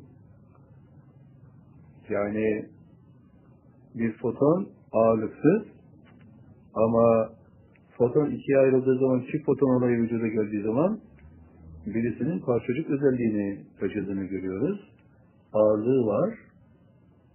Sıfır ağırlıklı bir fotondan ağırlığı olan bir elektron çıkıyor ortaya. Bize ulaştıkları zaman onun elektron olduğu konusunda da bir fikirleri yoktu. Şimdi kesinleşmiş durumda.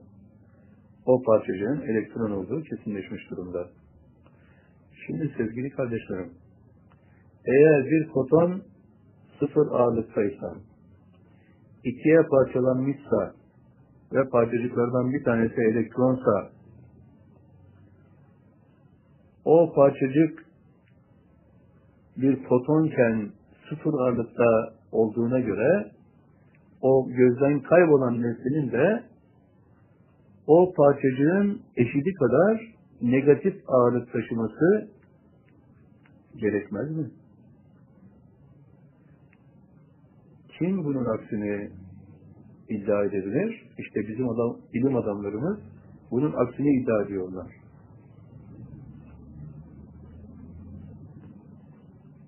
Ve sadece reddediyorlar. Sevgili kardeşlerim, sebebi ne biliyor musunuz? Biz bu ilmi Allah'tan aldık diye. Zavallı dünyamız kendi geleceğine nasıl bir engel çektiğinin farkında değil. İşte sonuca ulaşıyoruz. Bir foton, bir gama fotonu ayrıştığı zaman bir kurşun duvara vurduğunda veya bir aynaya vurulduğunda bir elektron çıkıyor, izlenebiliyor. Bir de karşıt elektron çıkıyor, izlenemiyor. Ama aralarında ilginç bir korelasyon var. Birisi güneye doğru gidiyorsa öteki mutlaka aynı 180 derecelik açıyla aynı açıyla kuzeye doğru gidiyor.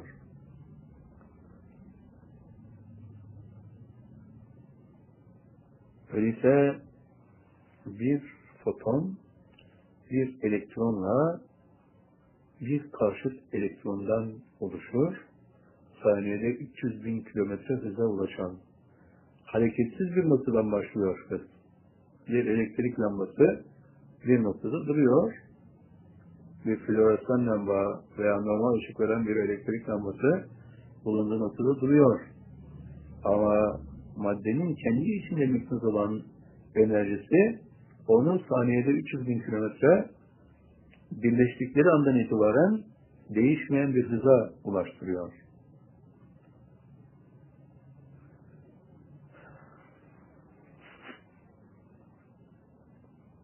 Şimdi muhtevaya beraberce bakalım. De Broglie ne diyordu? Her parçacığa yani her elektrona bir dalga eşlik eder diyordu. Kuanta eşlik eder diyordu kuantum medeniyetinde. De Broglie onun o dalga diye vibrasyonu tespit ettiği için dalga adını verdiği o parçacığa eşlik eden ikinci parçanın bir karşıt elektron olduğunu elbette bilmiyordu. Sevgili kardeşlerim, sonuç şuraya ulaşıyor. Işık hızı bir ayraçtır.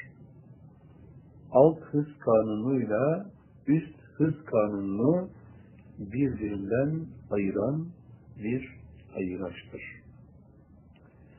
Alt hız kanununda maddenin yapısına baktığımız zaman elektronların devir hızı karşıt elektronların devir sayısının iki katı. Elektronların ağırlığı karşıt elektronların ağırlığının iki katı ve böyle bir kütleye bir itiş enerjisi geliyor, kinetik enerji geliyor, onu harekete geçiriyor bir otomobil olarak, bir uçak olarak, bir füze olarak harekete geçiriyor ve maddenin yapısında ışık hızına ulaşıncaya kadar bir değişiklik yok. Ama ışık hızında bir eş değerlik söz konusu. Elektronlarla karşıt elektronların ağırlığının birbirine mutlaka eşit olması lazım ki negatif ağırlıkla pozitif ağırlık birbirini götürsün.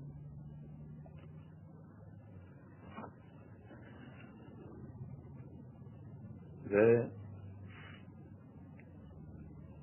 ışık hızı o ışık çıkaran nesneden fotonlar ayrılmaya devam ettiği sürece hep saniyede 300 bin kilometre ile bir hareket başlamıştır ve devam etmektedir. İşte dünyamızı ve başka gezegenleri ziyaret etmekte olan bir takım yabancı gezegenlerden gelen varlıklar insan hüviyetindeler. Onlar ışık hızının üzerinde bir hızla hareket edebiliyorlar. Hava gemileri bunu sağlıyor.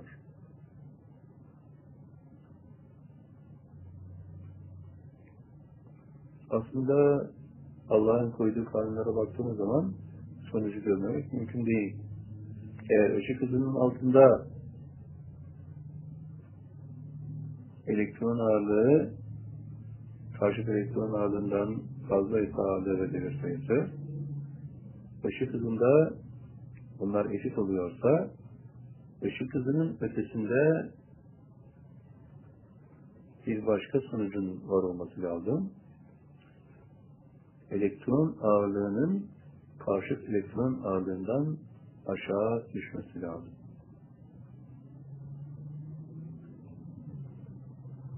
İşte burada ışık hızının aşılabilmesi için karşıt elektronun devir sayısının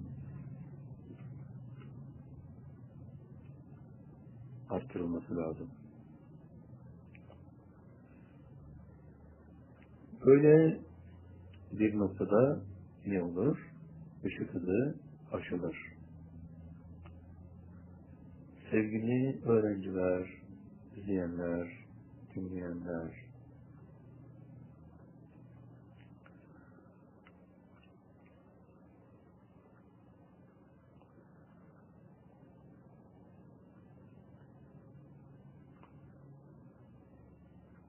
üst hız kanunu bunu içerir. Işık hızının üstündeki hız. Bunu gerçekleştirebilmek için mutlaka karşıt elektronların devir sayısının elektron devir sayısını aşması gerek. O zaman maddenin içindeki enerji ışık hızının ötesinde bir hızı oluşturur.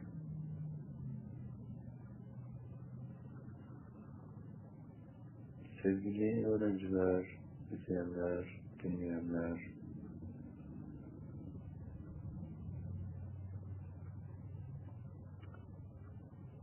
böyle bir yapı değişikliği maddeyi o alemin maddesi olmaktan çıkarır. Ve ağırlığı sıfırın altında bir yeni farklı bir madde oluşur.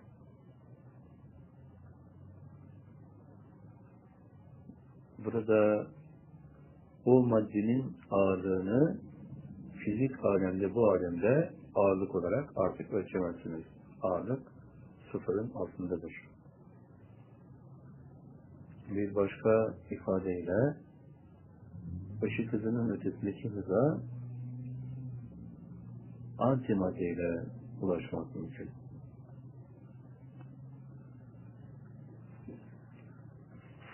İşte bir takım gezegenlerde orada ilginç bir olgu var.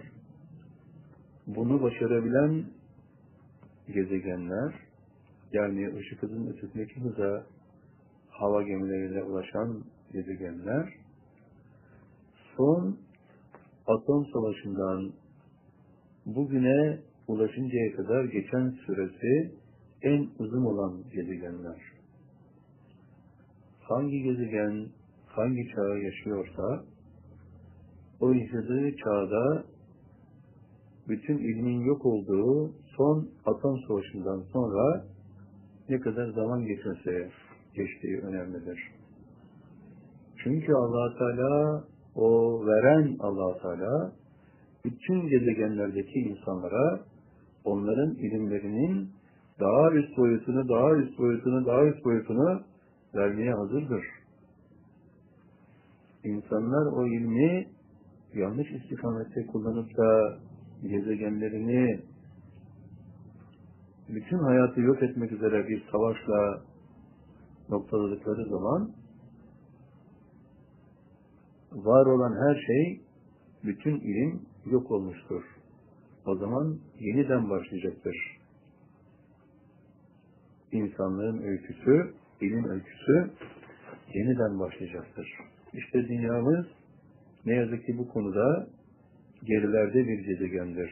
Bizim gezegenimizden çok daha uzun süre son atom savaşından sonra insanlığı ve ilmi yok edici bir savaşa maruz kalmamış birçok gezegen var. Onlar bunu başarabilmiş durumdalar.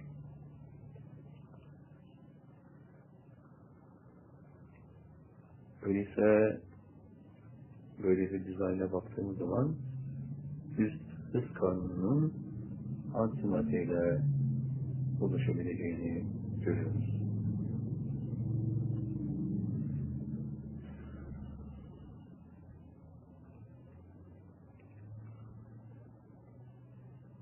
Tabi bu alemin maddesi değilse antimadde söz konusuysa bir görünmez gemiden bahsetmemiz söz konusu.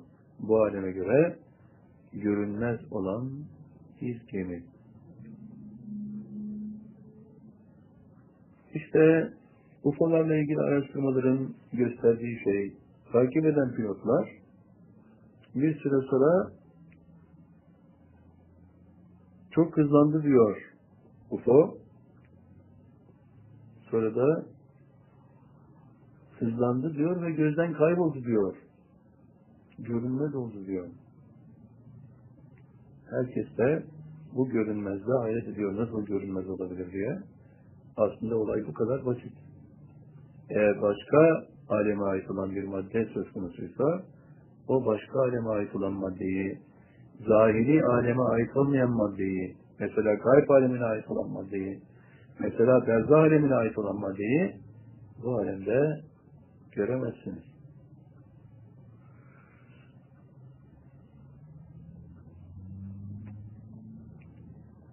Böylece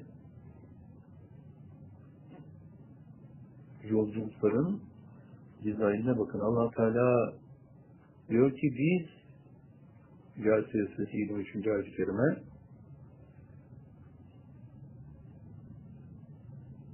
bütün göklerde ve bütün azlarda yarattığımız her şeyi sizin emrinize musahhar kıldık diyor. İyi ama uzak gezegenleri biz gidemedikten sonra nasıl emrimize musahhar kılmış ki allah Teala?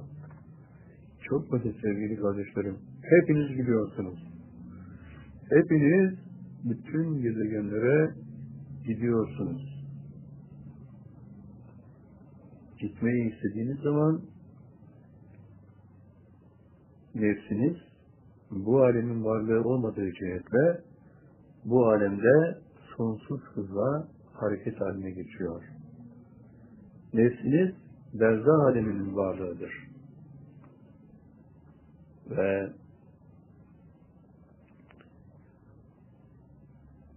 zahiri alemde sonsuz hızla hareket etmek ilkesinin sahibidir. Bu sebeple çok kısa bir zaman süresinde birkaç dakikanın içinde sonsuz uzaklıktaki gezegenlere ulaşabilmek imkanının sahibidir. Ve hepiniz ulaşıyorsunuz. Öyleyse bir alemde yaşayan bir insan bu özelliği kazandıktan sonra yani nefsiyle fiziğin ötesini yaşamaya başladıktan sonra başka alemlerde bulunabilir mi?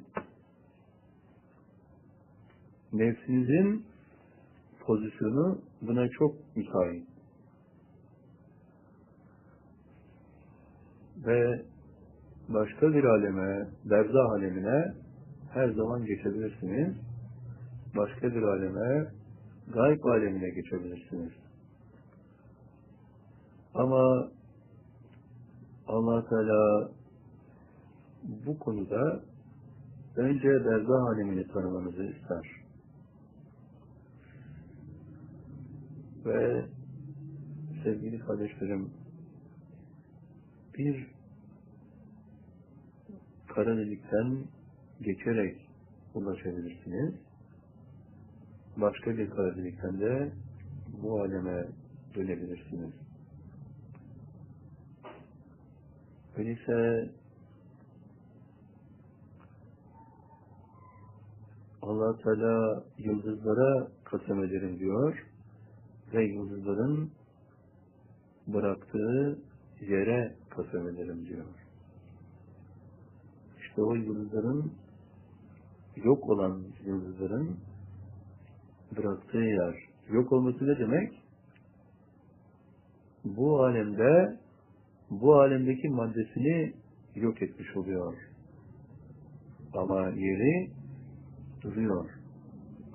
İşte orası bir başka aleme, özellikle berzah alemine bir geçiş noktasıdır. Bir gidiş, bir de geliş söz konusudur. Yani zahiri alemden berzah alemine geçiş, berzah aleminden de tekrar zahiri aleme dönüş. Orada da yaşayanlar var. Tıpkı bu dünyada yaşadığımız hayatı yaşayanlar, burada da yaşayanlar var, bizler.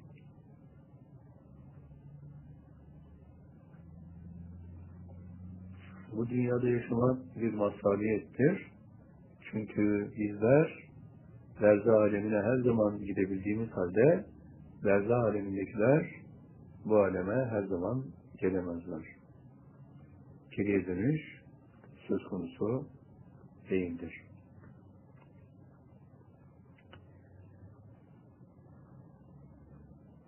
Sevgili öğrenciler, izleyenler, dinleyenler, öyleyse kara delikler başka alemlere geçiş kapılarıdır. Aslında başka bir aleme değiş, ulaştığınız zaman koordinat değiştirdiğinizi zannetmeyin. Gene bulunduğunuz alemin bir noktasındasınız ama orası madde yapısı itibariyle bu alem değil. Ne demek istiyorum? Yani şu anda bizi gördüğünüz, televizyonda seyrettiğiniz odanızı, salonunuzu kainat olarak düşünün. Zahiri alemdesiniz, odanızdaki her şeyi görüyorsunuz. Ama aynı hacim aynı zamanda berzah alemidir. Kara maddeyle temsil edilir. hamdolsun ki ilim artık karamadeyi bulmuş durumda ve bulunduğumuz aleme kara maddenin hiçbir tesirinin olmadığını, bizi de kapladığını ama bizim üzerimizde hiçbir tesirinin olmadığını zamanımız ilmi kesinleştirmiş noktada. Sevgili öğrenciler, izleyenler ve dinleyenler, böyle bir müessese söz konusu.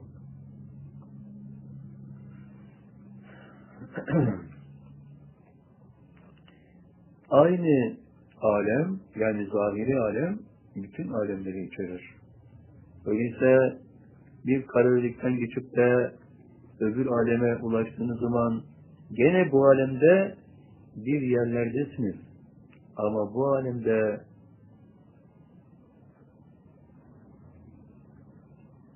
hissedilmeniz söz konusu değil. Başka bir alemdesiniz ama gene bu alemde bir koordinatın aynı koordinatın sahibisiniz. Emr aleminde de gayb aleminde de zahiri alemde de aynı noktadasınız ama izlenemezsiniz. Nefsinizle sizi zahiri alemdekiler göremezler. Ama zahiri alemin de bu aleminde gene bir noktasındasınız o sırada. Altı tane kainat aynı boyutları paylaşırlar. Aynı gezegenler hepsinde vardır. Ve birisi için giriş, öteki için çıkıştır. Öyleyse sevgili öğrenciler, izleyenler ve dinleyenler, kara delikler sizi bir alemden bir diğerine geçirir. Allah'ın sırlarına sistemleri allah Teala kapatmış. Ama layık olursanız kapıları açar, sırlarını size de öğretir. İşte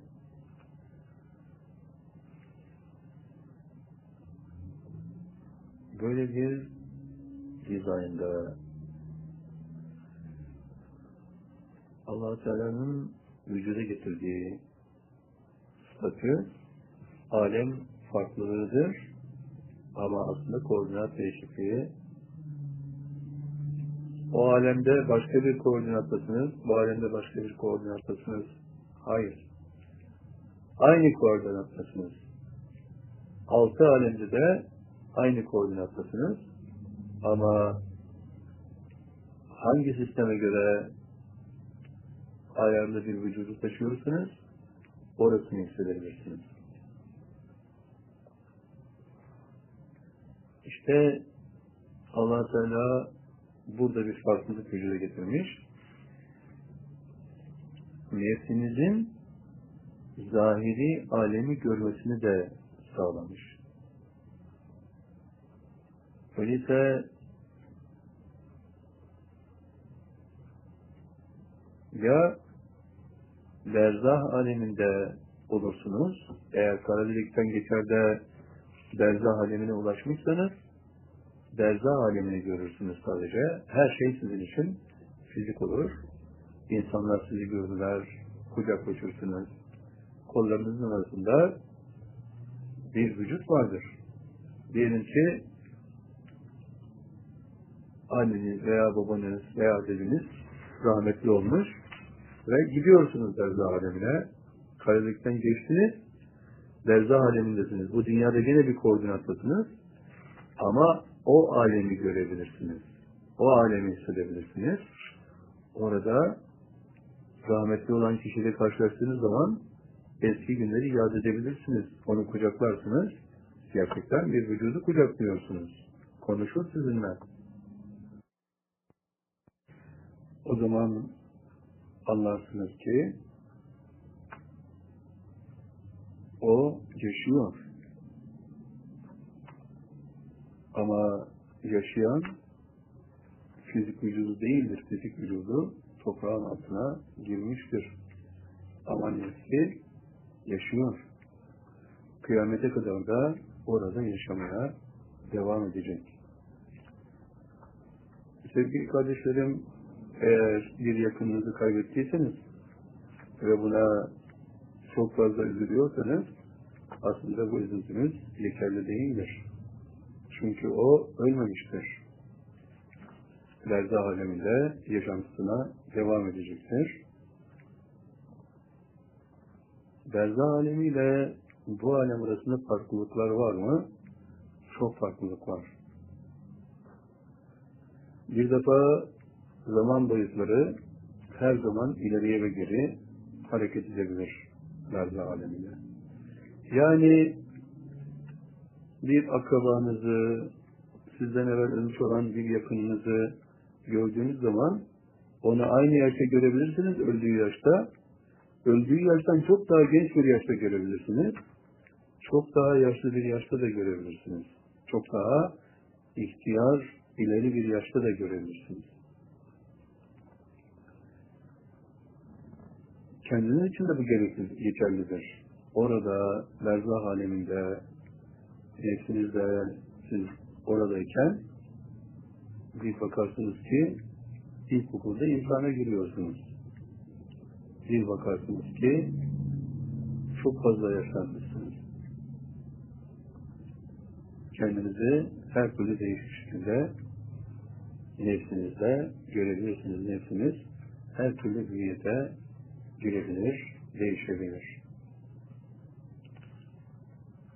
Verzah aleminde ölüm söz konusu değildir.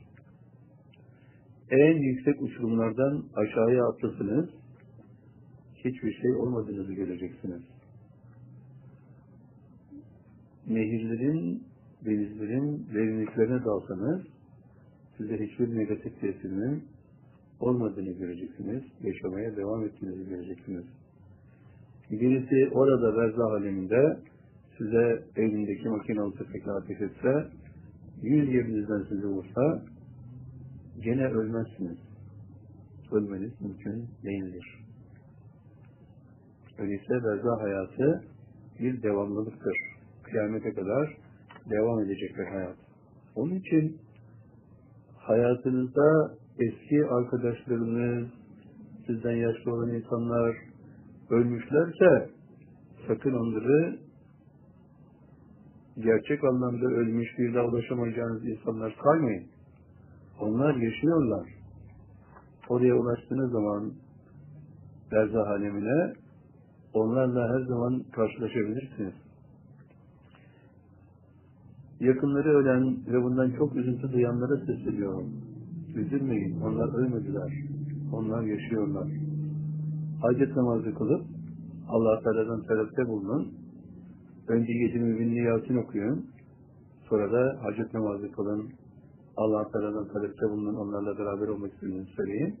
Göreceksiniz ki bir gece nasıl olduğunu anlamadan orada olacaksınız. Onlarla konuşacaksınız, dertleşeceksiniz. Onları kucaklayacaksınız. Bakacaksınız ki hiç şek ve şüphe olmaksızın yaşamakta devam ediyorlar. Sevgili kardeşlerim, hayat orada da devam ediyor.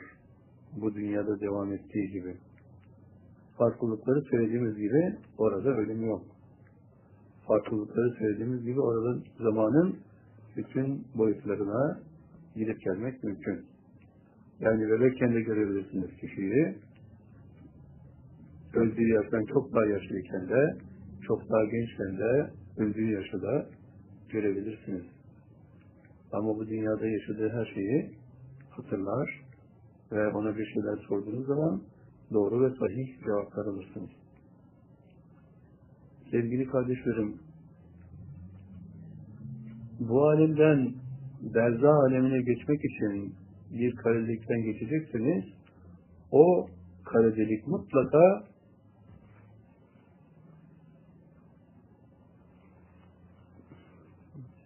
buradan oraya geçebileceğiniz bir özellik taşır.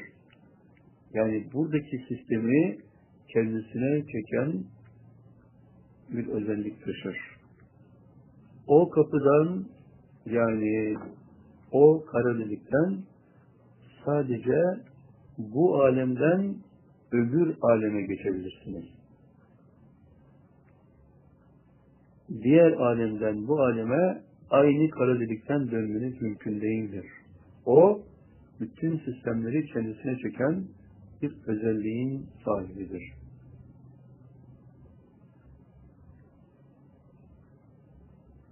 Peki, Berzah alemine gittiniz ve bu aleme döneceksiniz. Evvela telaşlanmanız için gerek yok. Çünkü her halükarda bu alemde uyandığınız an otomatik olarak o kara delikten geçerek bu tarafa geleceksiniz. Ama bu seferki kara delik farklı. Orada yok olan bir yıldızın kara deliğinden bu tarafa geçebilirsiniz. Orada yok olan bir yıldız da o alemden bu aleme bir geçişin işaretini taşır. Öyleyse kayabiliklerinden birincisi o aleme çeker, ikincisi bu aleme, zahiri aleme çeker. Ve yolculuğunuzda sonsuz hızla hareket edersiniz. Bir anda orada olursunuz, bir anda burada olursunuz. Öyleyse böyle bir dizaynda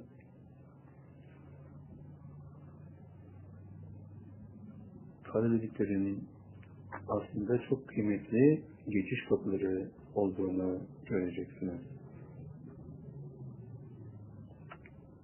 Sevgili kardeşlerim, siz üç alemde de var olan bir insansınız. Nefsiniz zahiri alem için affedersiniz nefsiniz berzah alemi için yaratılmış, onun bir parçası. Fizik vücudunuz bu alemin, dünyanın bir parçası. Ruhunuzsa emr aleminin bir parçası. Öyleyse allah Teala kalp gözünüzü açıp da size ihlas makamında daha evvel geçirdiğiniz bir yolculuğu göstermişler. Bütün katlarda kimlerle beraber olduğunuzu, nasıl katları yükseldiğinizi, hangi katta neler yaptığınızı göstermişler. Dediniz ki o katlarda sizinle beraber olan bütün insanlar ruh olarak oradadırlar. Emr alemi ruhların alemidir.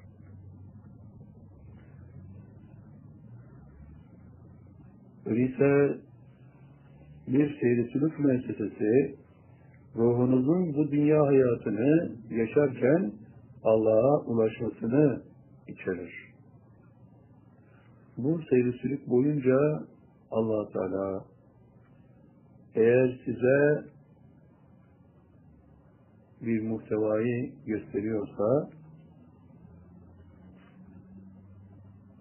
hangi katta nasıl bir işleme ruhların tabi tutulduğunu, tutulduğunu görürsünüz. Evvela ana dergahtan başlar görüntüler. Emr aleminin bir parçası da elbette bu dünyadadır. Zahiri alemi, bu alemi Allah'a kadar bağlayan yolun adı sırat-ı müstakimdir. Sırat-ı müstakimin ilk sebili, yatay sebili bu alemdedir. Tabi olduğunuz mürşidin bulunduğu noktadan devrin imamının bulunduğu ana dergaha kadar giden bir yoldur. Dünya kapına paraleldir.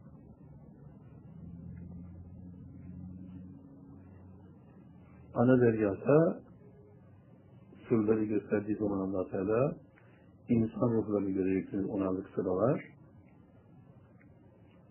bir altın paralar kümesi göreceksiniz. Nasıl secde edildiğini, nasıl altın kapıdan dışarı doğru uçulduğunu, nasıl dışarıda tek bir sıra oluşturduğunuzu, ayakta olan insanlar ama ayakları yere değmeyen boşlukta sağdan sola bir sıranın oluşturulduğu ve herkesin o sırayla saf halinde yükseldiğini göreceksiniz. Birinci katta açıkta secde edeceksiniz. Herhangi bir mescidin içinde değil. Açıktaki seccadelerde. Orada kalacaklar. Birinci kata kadar çıkabilenler orada kalacaktır. Sonra Berzah Emr aleminin ikinci gök katına çıkacaksınız. Orada suvarılma havuzlarında suvarılacaksınız.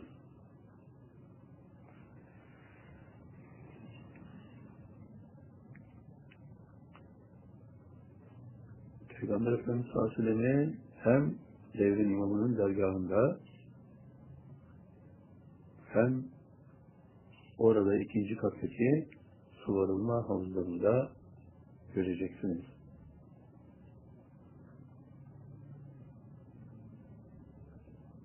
Havuz dediğin zaman yüzme havuzu gibi bir havuz düşünmeyin.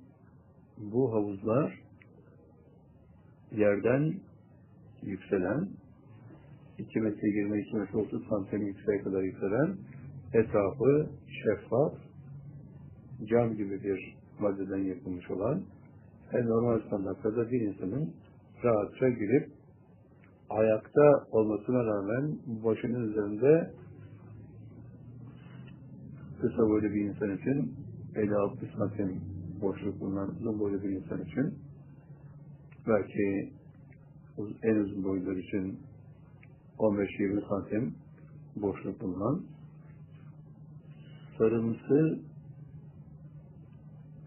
şeffaf bir sıvının doldurduğu bir havuz düşünün. Ruhlar oraya atlas elbiseleriyle girerler. Erkeklerin hepsi sarıklıdır. Hanımların hepsi örtülüdür. Ve hiç kimsenin elbisesi ıslanmaz. Bu sıvı elbiseleri ıslatmayan bir sıvıdır. Ve ruh ne kadar o suyu sıvının içine durursa dursun, ruha bir şey olmaz. Ruh nefes almak mecburiyetinde değildir.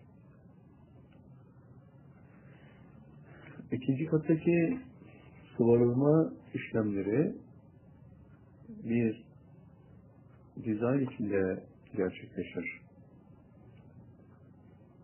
Evvela arka taraftaki duvar boyunca secde edilir. Sonra uçarak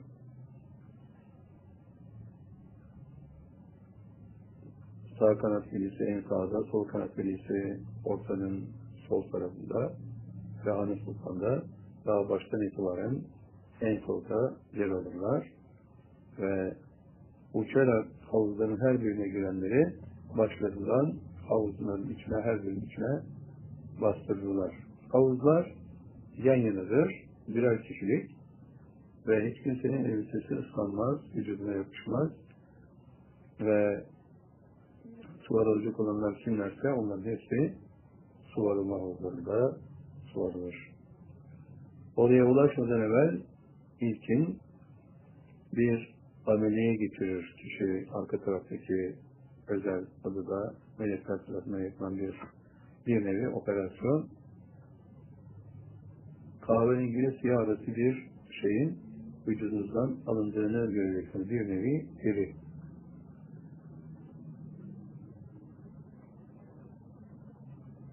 Ve sonra o söylediğim suvarılma işlemlerine tabi olacaksınız. Üçüncü katta iki katlı bir mescidin iki katında da secde yapılır. Bir kısmı üstte, bir kısmı altta. Secdeden sonra, namaz, orada kılınan namazdan sonra çıkılır. Ve bu üçüncü katla dördüncü katın arasını birbirine bağlayan mihenk merkezine ulaşılır. Mihenk merkezi katları birbirine bağlayan bir silindirdir. Bu silindir üçüncü kattan dördüncü kata kadar uzan, uzanmıştır. Dünyamıza göre madeni bir yapısı vardır. Bir buçuk metre alan genişliğinde olan bu silindirin içindeki insan ruhları silindire girer girmez sonsuz hızla yükselirler dördüncü kata doğru. Bir evvelki bir sonrakinin başının üstünde yol alır ama başlar ve ayaklar birbirine hiçbir zaman değmezler. Mesafe aynen korunur. Ve dördüncü katta Beyt-i Haram'ın aslı Beyt-i Makdes'in aslı söz konusudur. Orada secde edilir. Kapıdan uçularak girilir. Secdeden sonra kubeden uçarak yükselir. Beşinci kat Beyt-i Haram'ın aslıdır. Orada da secde edilir. Hep secdelerde ön saflardakiler daha yukarıki katlara yükselirler. Arkadakiler orada kalırlar. Beyt-i Haram'ın aslında da secde edilir. Kubbeden altıncı kata yükselinir. Altıncı katta suvarılma havuzları söz konusudur. Affedersiniz. Altıncı katta sıkkatullah olmak, Allah'ın nuruyla boyanmak söz konusudur.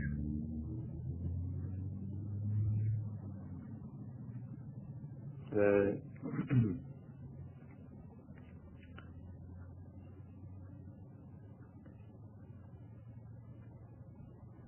buz kalıbına benzeyen yaklaşık bir buçuk metre genişliğinde bir nur, ışık veren, nur saçan bir buz kalıbı düşünün. Hani buz kalıpları var bir, direkt kalıp, kalıp haline getirilmiş buzlar. İşte öyle. Beyaz, çok açık yeşil renkte bir ışık saçıyor. Bu ışık oradaki ruhların ellerini ve yüzlerini açıkta kalan derilerini mutlaka çatlatıyor. Ve çatlayan derilerin tedavisi için başların üzerine bir özel sistemler geçiriliyor ve derilerin çatlaması izale ediliyor. Böylece Allah'ın boyasıyla boyanmak adımının gerçekleşiyor. Herkes ayakta bir tek sıra oluşturuyor. Hanım Sultan hanımlar tarafında onlarla beraber ama sağ ve sol kanat velileri iki ayrı rakat yerindeler. Bu boyanma, Allah'ın boyasıyla boyanma işleminde bir gün oradakilerden birisinin derisi çatlamıyor. Bu fethe ehil olan kişidir. Zamanı gelmiştir. Onun elbiseleri değiştirilir ve ona bir kılıç hediye edilir. Kılıcı yukarıya doğru kaldırarak eğri besmeleyle kubeden yukarı uçar. Ve yedinci kata ulaşır. Altıncı katın belki en büyük özelliği kapısıdır. Sıkkatullah bulunan Sıkkatullah bulunan yerin kapısı herhangi bir kapı gibi kapı kanadı olan bir yer değildir. Kapıda kanat yoktur. Ama kapı son giren kişinin silüetinin şeklini alır. Dış cepherinde hangi noktalardan geçiyorsa kişinin silüeti öyledir dış cepher kapıyı oluşturur. Yani uzun boylu birisi o kapıdan geçmişse kapı büyüyüp onun şeklini almıştır. Ondan sonra geçecek olan kısa boyluysa kapı küçülecek, onun şeklini alacaktır. kapı devamlı bir büyüme ve küçülme içerisinde görev yapacaktır.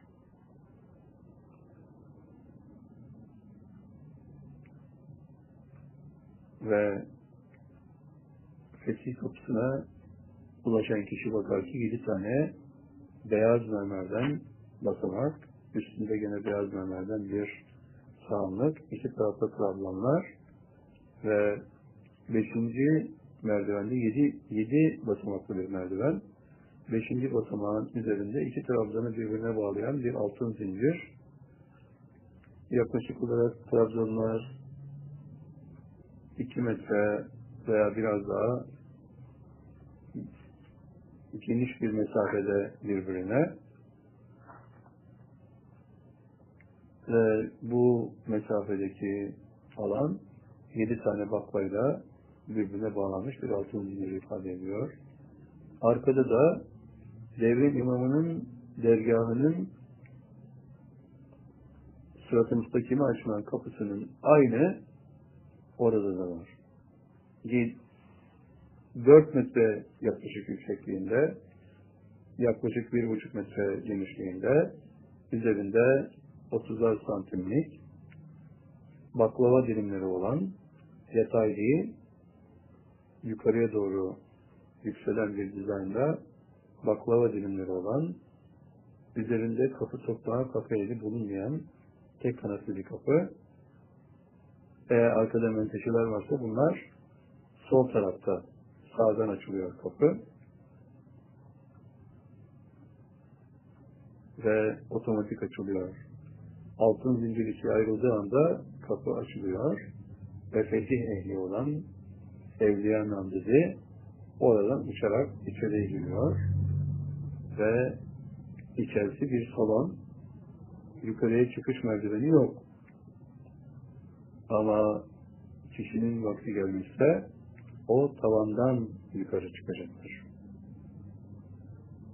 Tavandan bir üstteki yere ulaşacaktır. Üstteki kat bir giriştir.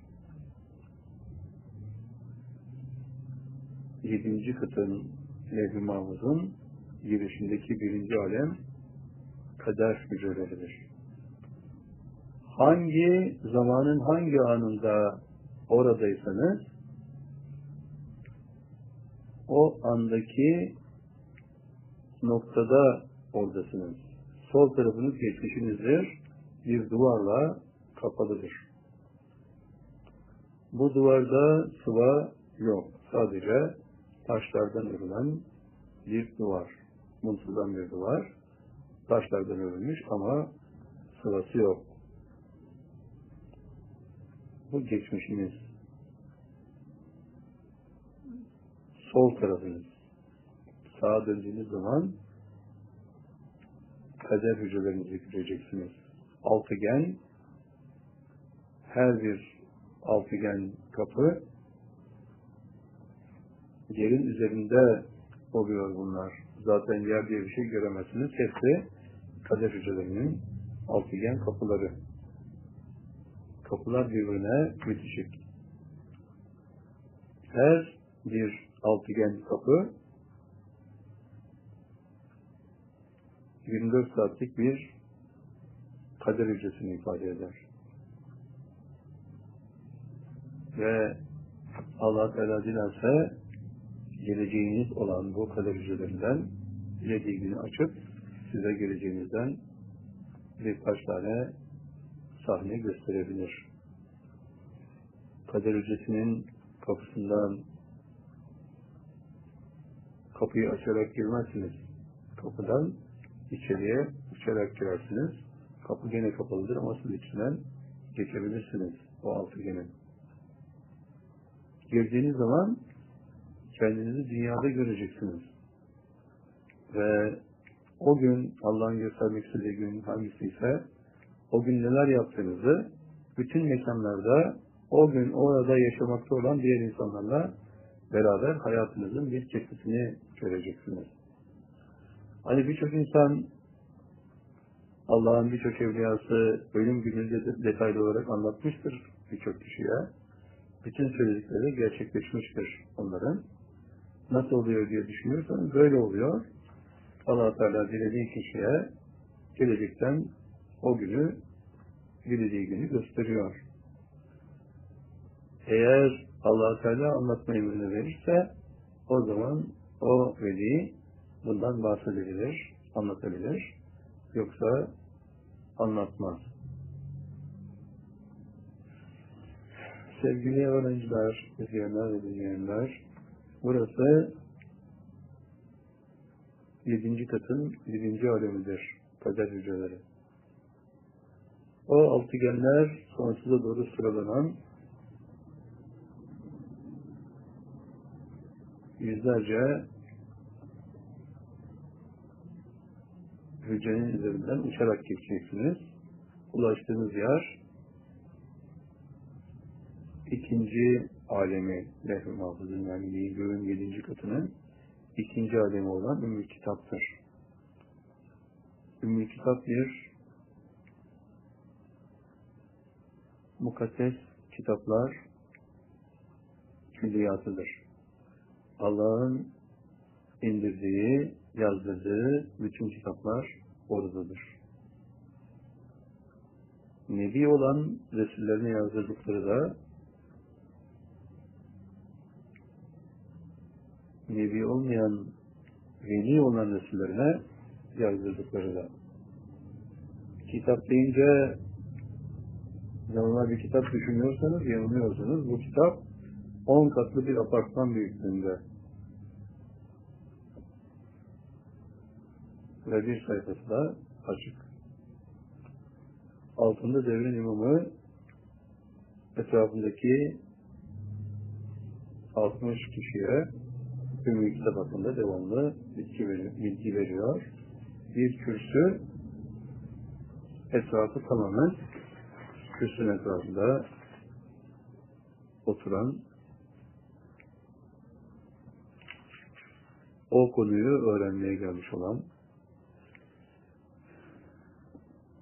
veli namzetleriyle dolu hepsi ruh hüviyetinde Üçüncü alem kudret denizi. Denizin derinlikleri, sırları gösteriyor. Orada ne kadar derine girerseniz girin, tabiatıyla boğulmadığınızı yaşamaya devam ettiğinizi göreceksiniz. Güzel bir olay olarak değerlendireceksiniz kudret denizini. Sonra dördüncü aleme geleceksiniz. Makam Mahmud. Orada da Peygamber Efendimiz sallallahu aleyhi ve göreceksiniz. Dört halifesi arkada, arkada sahabe, yanında devrin imamı,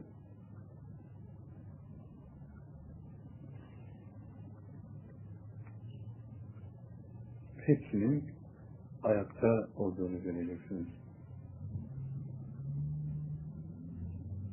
Sonra beşinci alem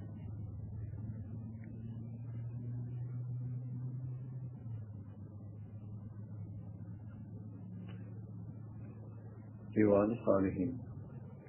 Gene Peygamber Efendimiz Aleyhisselam'ı göreceksiniz. Bu dairesel bir cami. Balkonları olan ve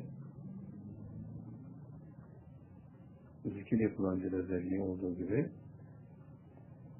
bir takım çalışmalarında her zaman devam ettiği bir yer.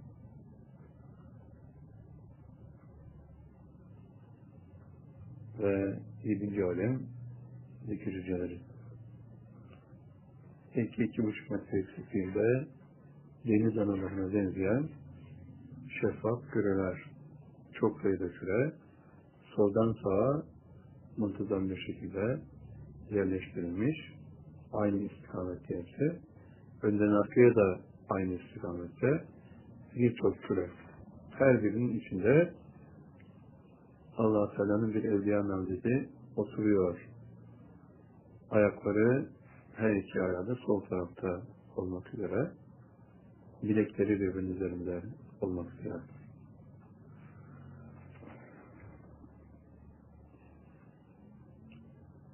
Ve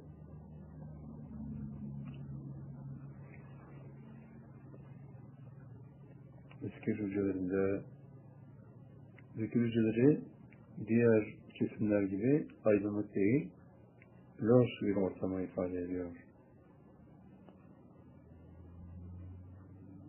Orada gözler ışıktan hiç rahatsız olmuyor. Herkes zikir ediyor. Her gün devrin imamı ve arkasındaki iki kişi, üç kişi olarak oraya iniyorlar, oraya ulaşıyorlar indi ilahiden. Ve orada onlar Türk bayrağındaki yıldızın bulunduğu yerde bir üçlü oluşturuyorlar. Bütün zikir hücresindekiler de, gözlerindekiler de çıkıyorlar anlatımı dinlemek üzere. Bir hilal vücuda getiriyorlar. Önce iç sıra oluşuyor. İç sırayı oluşturanların ikincisinden başlayarak ikinci sıra oluşuyor. Bitişte ikincisine bitiyor. Üçüncüsünden başlayarak üçüncü sıra oluşturuluyor. Ve yedi sırada tamamlanıyor hilal. Bütün zeki hücresindekileri alıyor muhtevasına. Sıralanma olurken el öpme işlemi gerçekleşiyor. Sohbetten sonra tekrar el öpme işlemiyle aynı sıra dahilinde birinci gelen birinci dönmek üzere zeki hücrelerine dönüş var.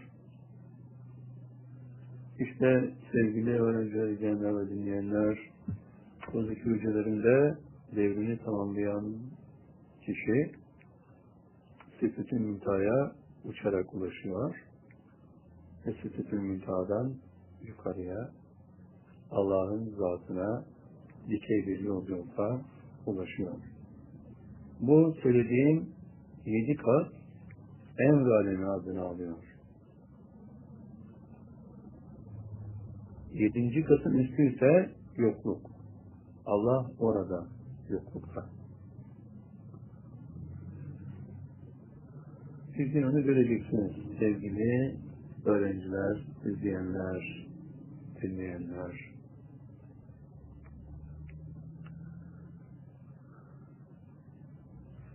Allah Teala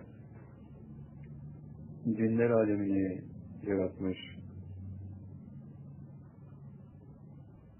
Adına gayb alemi diyoruz. Her alem gayb ama cinlerin alemine gayb alemi deniyor.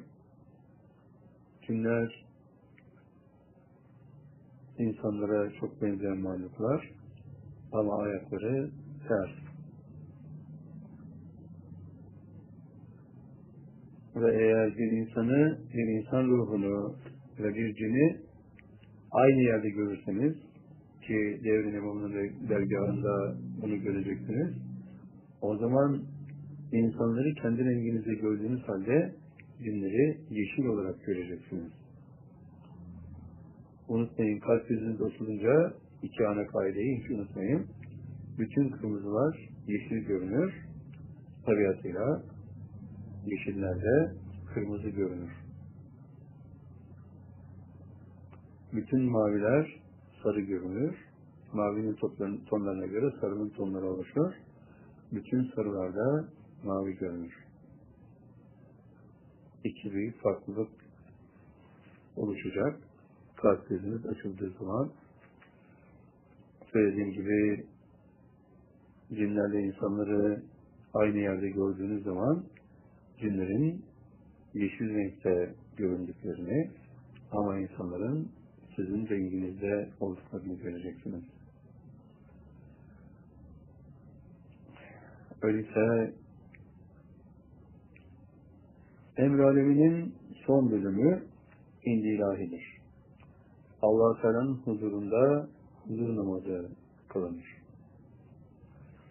Sevgili kardeşlerim, huzur namazının imamı daima hayatta olanlardan biridir. bu dünyada yaşayıp ömrü tamamlandıktan sonra insanlar huzur namazında yer alırlarsa imam olarak allah Teala böyle bir müsaadeyi vermiyor. İmamdan üstün vaziyette olanlar da hayatta olan imamın arkasında namaz kılmak durumundalar. Biliyorsunuz ki Nebiler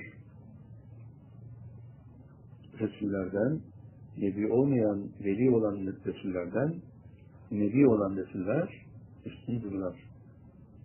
Nebiler peygamberlerdir. Ama bütün peygamberler, nebiler aynı zamanda Resuldürler ama Resuller, veli Resuller nebi değillerdir. Ama peygamberlerin bulunmadığı fetret devirlerinde bugün de dünyamız bir fetret devrini yaşıyor. Peygamber Efendimiz Aleyhisselam 14 asır evvel rahmetli olmuş. 14 asırdır dünyada nebi yok. Kıyamete kadar da olması mümkün değil. Peygamber Efendimiz Aleyhisselam nebilerin mühürü. İşte bu sebeple huzur namazının imamlığı görevi mutlaka her kavimde mevcut olan Resullerden bir tanesi Allah Teala tarafından seçilerek ona tevdi edilir. İşte böyle bir görevi üstlenen kişi aslında kendisi nevi değildir. Bir veli Resul'dür. Allah'ın evliyasından bir Resul'dür. Ama eğer onunla beraber nebilerden namaz kılacaklar varsa onlar imamlık yapamazlar Allah'ın kanunları gereğince onun arkasında namaz kılacaklardır. Bu onların üstün olmadığını göstermez. Sadece huzur namazının imamının mutlaka hayatta olması lazım geldiği kanununun Allah'ın bu kanununun bir gereğidir. Huzur namazının başında imam vardır, arkasında iki kişi vardır, nebilerden. Arkasında bir kişi vardır. Arkasında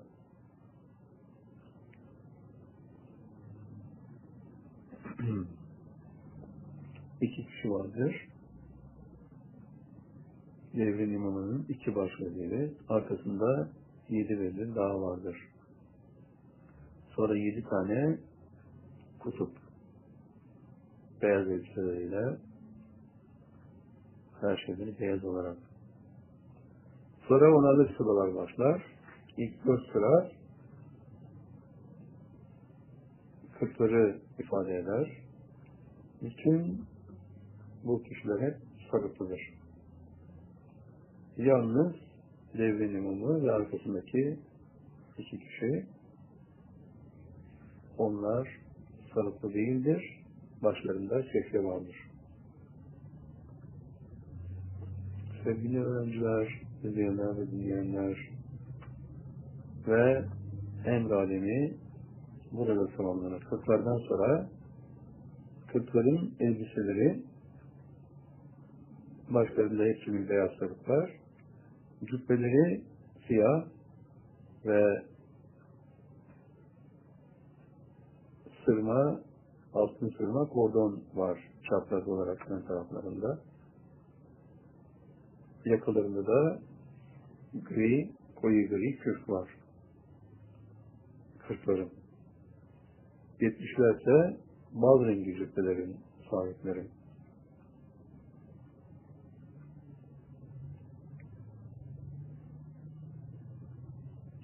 Huzur namazının imamı da, şimdiki huzur namazının imamı da o bal rengi cübbelilerden de huzur namazının imamlığına tayin edilmeden önce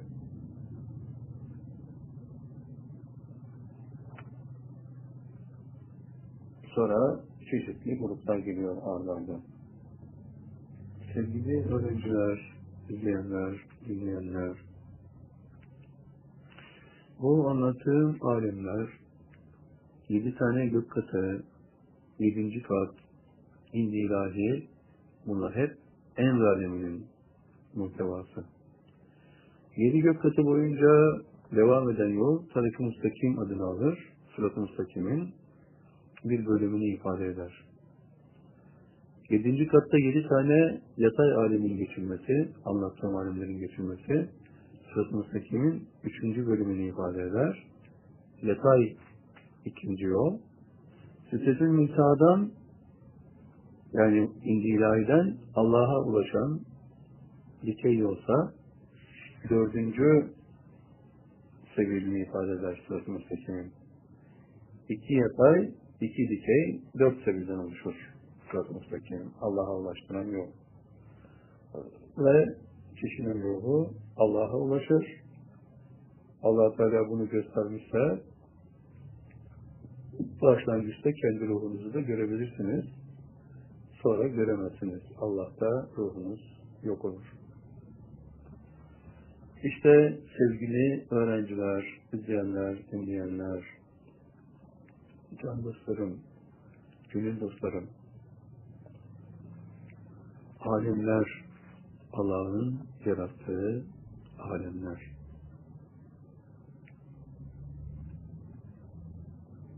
allah Teala size cenneti de, cehennemi de gösterecektir. Cenneti gördüğünüz zaman bir huzur yayılacak her tarafınıza. Ama cenneti gördüğünüz zaman bir huzursuzluk duyacaksınız. Oraya gidecek olan insanlara gerçekten acıyacaksınız. Cennet de, cehennem de katları itibariyle yedişer kattan oluşumlar. Ve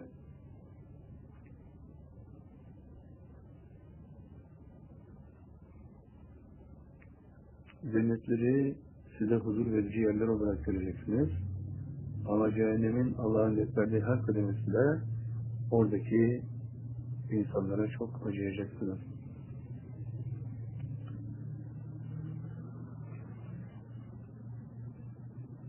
İşte cennet emr aleminin standartları içinde vardır. Cehennem zulmani alemin standartları içinde vardır. Ve aşağı doğru inildikçe insanlara yapılan azap giderek artacaktır.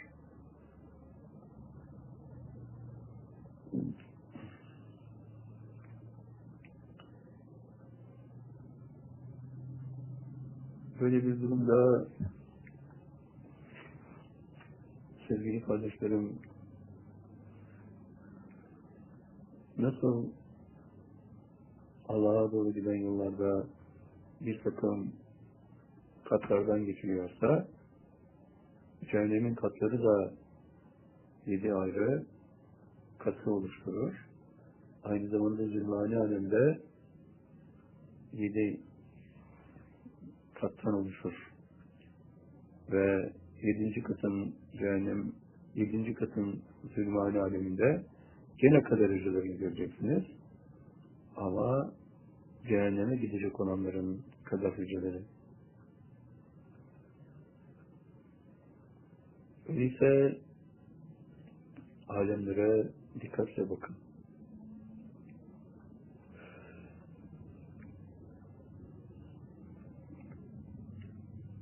Allah Teala bütün alemleri insanlar için yarattığını, alemlerde olan her şeyi de insanların emrine musahhar kıldığını söylüyor. Böyle bir statüde alemlerle beraber kainatın yaratılmasıyla beraber canlıların da yaratılması bir bölüm içerir. allah Teala buyuruyor ki biz her canlı şeyi sudan yarattık. Affedersiniz, biz hayatı sudan başlattık diyor allah Teala.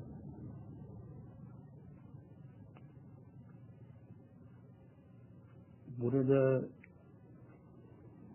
allah Teala'nın hayatı tek hücrelerden başlattığını görüyoruz. Bir amif, tek hücreli, sadece bir tek hücreden oluşan bir canlı türü. Ama dikkat edin sevgili kardeşlerim, onda başka yaratıklardan, dağlardan, taşlardan farklı bir yapı var. O bir canlı. Nahl suresinin 23. ayet kerimesinde allah Teala buyuruyor ki hayat veren sadece biziz diyor. Yaşatan da öldüren de sadece biziz diyor. Bizden başka hiçbir mahluk hayat veremez diyor. Sevgili kardeşlerim, gerçekten bu yaratılışın tek hücrelerden başlayan yaratılışın hücre sayısının çoğalmasını neticelendirdiğini görüyoruz. Sonra suda başlayan bu hayatın evvela suda memelilerin de oluşmasıyla balinalar gibi farklı şekil aldığını görüyoruz. Sonra hayat karaya atlıyor.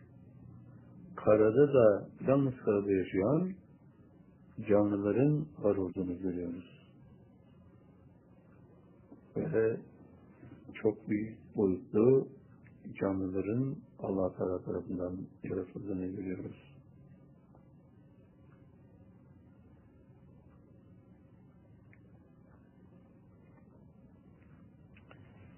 Ve bu denizde başlayan hayat karaya sıçradıktan sonra karadaki hayatta birçok canlının var olduğunu, nesillerinin tükendiğini görüyoruz. Sonra başka canlılar vücuda geliyor. Bu muhteva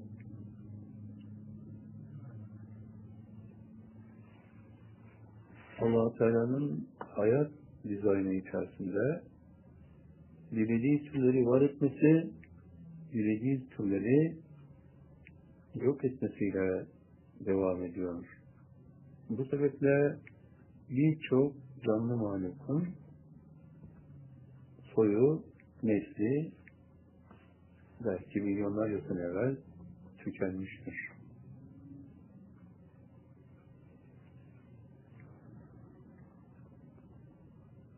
Burada sevgili öğrenciler, izleyenler, dinleyenler, bu yaşamın ulaşabildiği yerin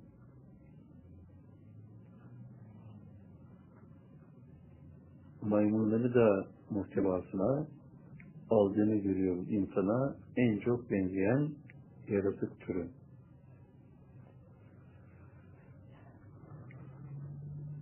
Ve tek hücrelerden başlayan bir hayatın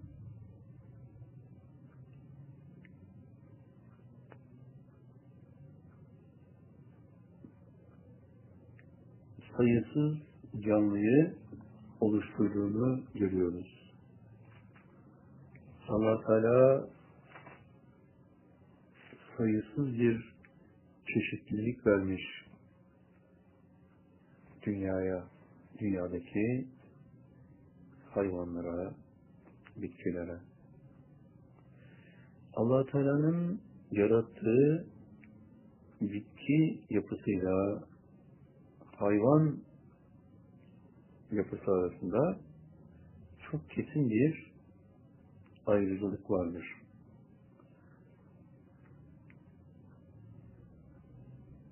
Denizlerin derinliklerinde öyle bitkiler var ki bitkiler dalgaların da yardımıyla yer değiştirebiliyor.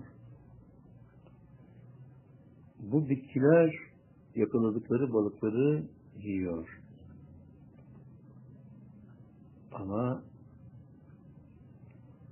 bitki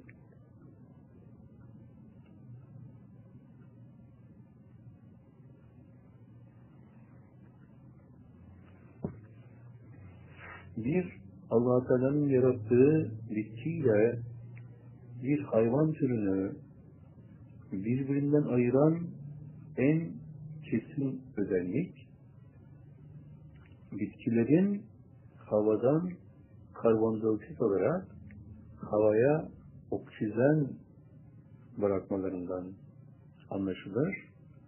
Bir hayvanın da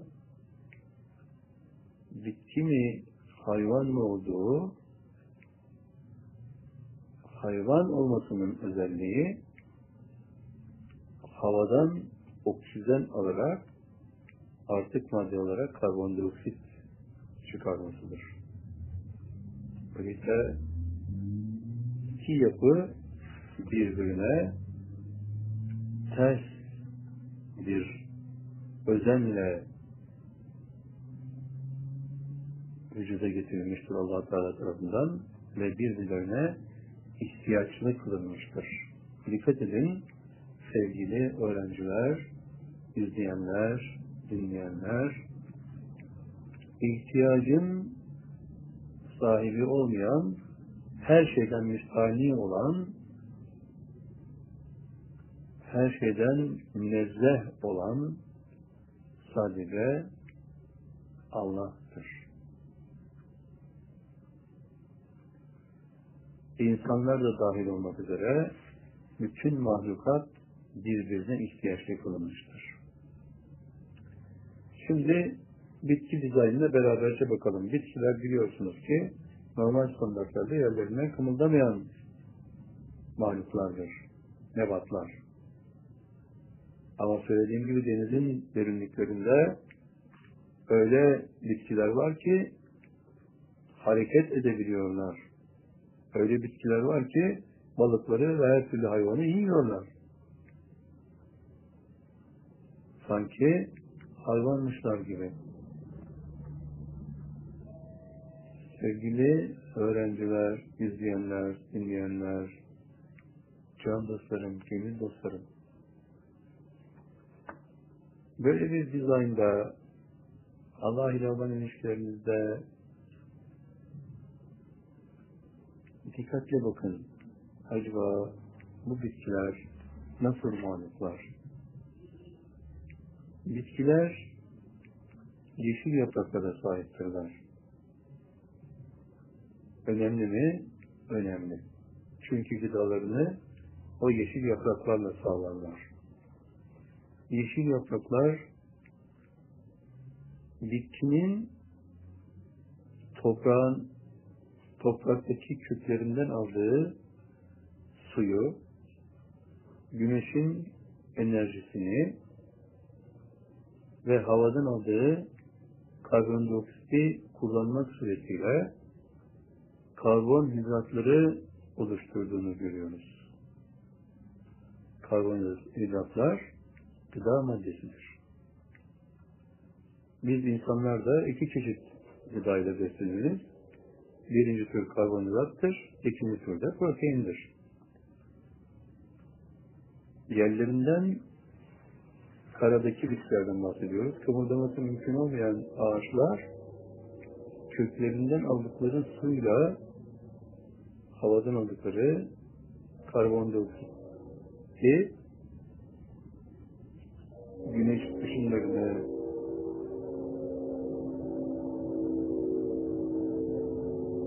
katalizör olarak kullanmak yoluyla bir yerlere ulaşıyorlar. Karbonhidratları oluşturuyorlar. Peki sonuç ne? Sonuç oksijen açığa çıkarmaktır.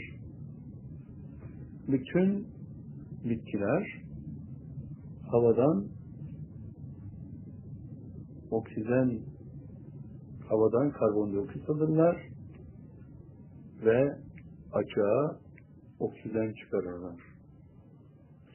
Onların açığa çıkardığı oksijen bütün bitkilerin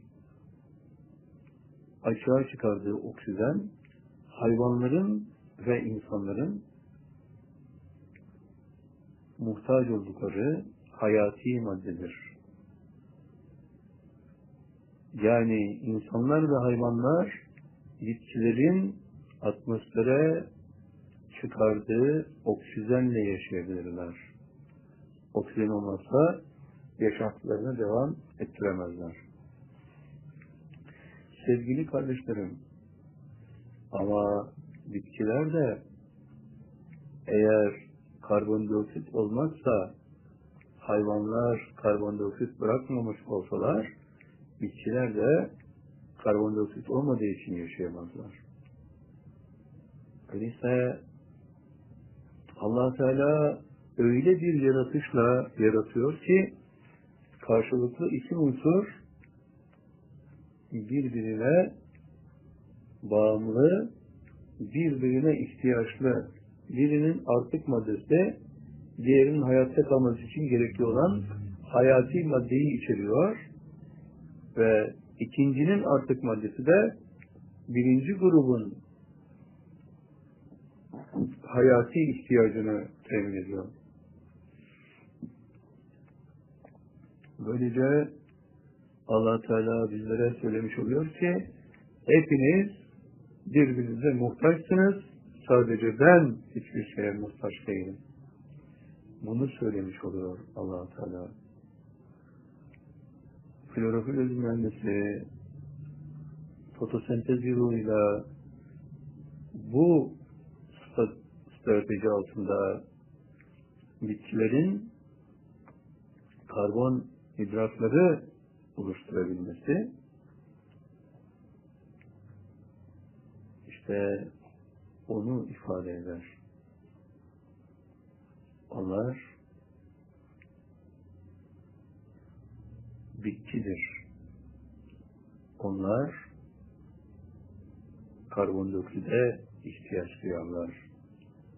İnsanlar da oksijen alıp bu oksijeni kullanarak akciğerlerinde kanlarını temizledikleri zaman nefes vermeleri, her nefes vermelerinde havaya çıkardıkları şey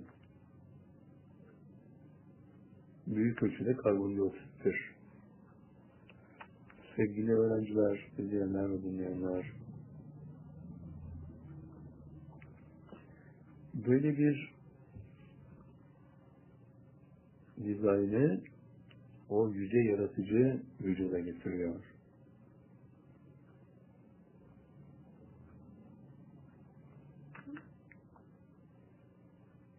Her şeyin Allah'ın emrettiği biçim ve boyutta nasıl şekillendiğini görüyorsunuz sevgili öğrenciler, izleyenler ve dinleyenler.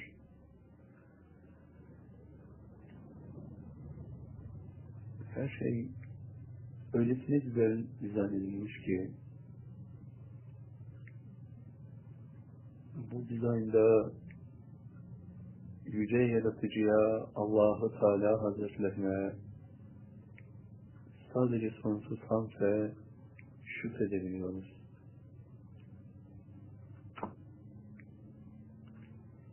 İnsanın yaratılışı dünya üzerinde ona bir mekan verilmesi öyle bir devre rastlıyor ki allah Teala dünya verilen bu gezegende atmosferi yaratmış. İnsanın nefes almasını, yaşamasını temin bir dizayn. Bitkileri yaratmış. Meyvelerinden sebzelerinden ve tahılından insan istifade edecek, karnını doyuracak diye. Denizde balıklar yaratmış allah Teala insanlar onların etini yesin diye. Karada hayvanlar yaratmış. Etini yesin diye insanlar taşıma işlerinde kullansınlar diye.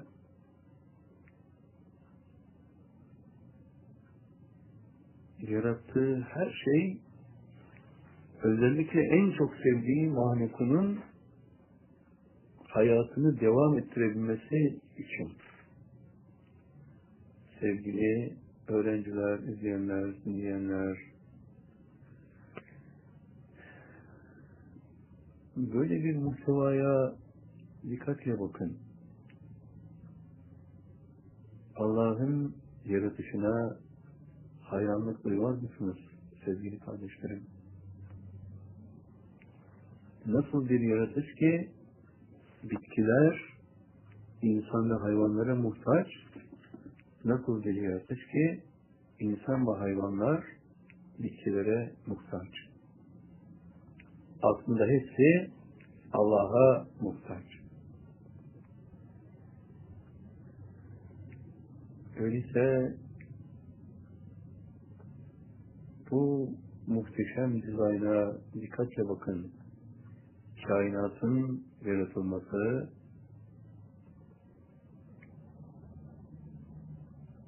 insan adı verilen bir mahlukun ait olduğu gezegende hayatını idame ettirebilmesi için allah Teala tarafından dizayn edilmiş.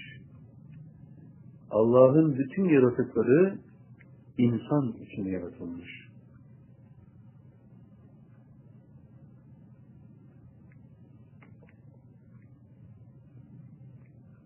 Ne aklınıza geliyor? Melekler insan için yaratılmış. Ne aklınıza geliyor? Cinler insan için yaratılmış. Ne aklınıza geliyor? Hayvanlar insan için yaratılmış. Bitkiler, atmosfer, yeryüzü, hayat olan olmayan gezegenler hep insan için yaratılmış.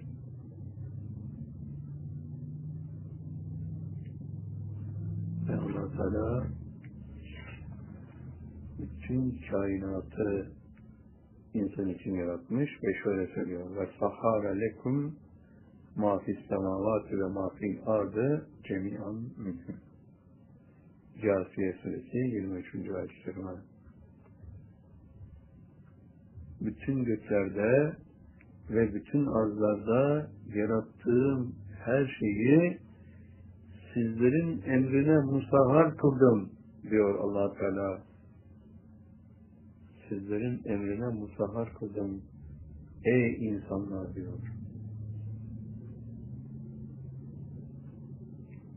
Göklerde neyi yaratmış? Melekleri yaratmış. Göklerde de insanlar var. Göklerde yaşamakta olan ruhlar var ruhları da insan için yaratmış. Nefsleri de insan için ve insanın fizik bedenini yaratmış. O ruhun ve nefsin bir mekanı olsun diye. Sevgili kardeşlerim, fizik bedenleriniz nefsinizin de ruhunuzun da mekanıdır. Tabi ruhunuz Allah'a ulaşana kadar ruhunuzun mekanı. Onu temiz tutun.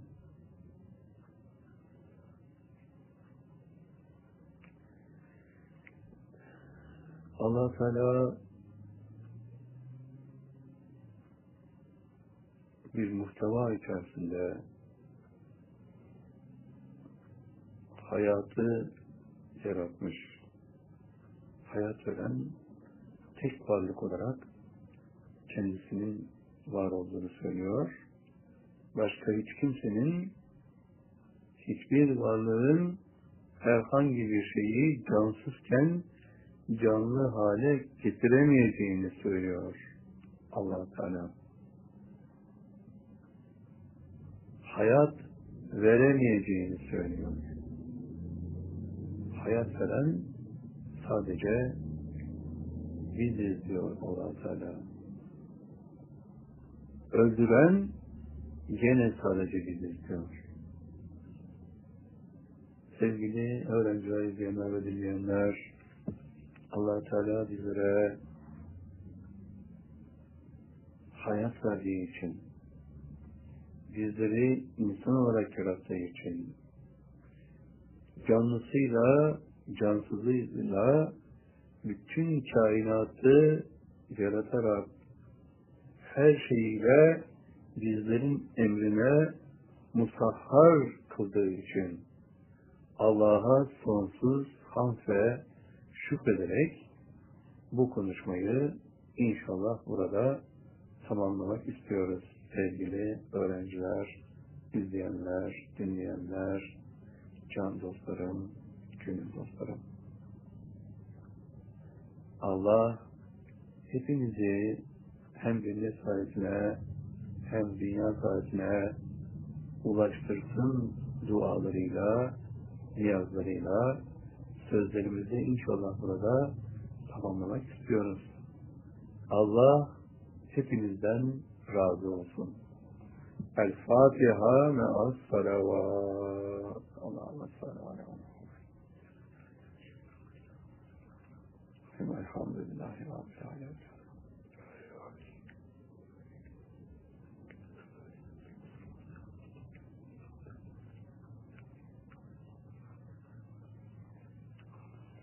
Esselamu Aleyküm ve Rahmetullah ve Berekatühü.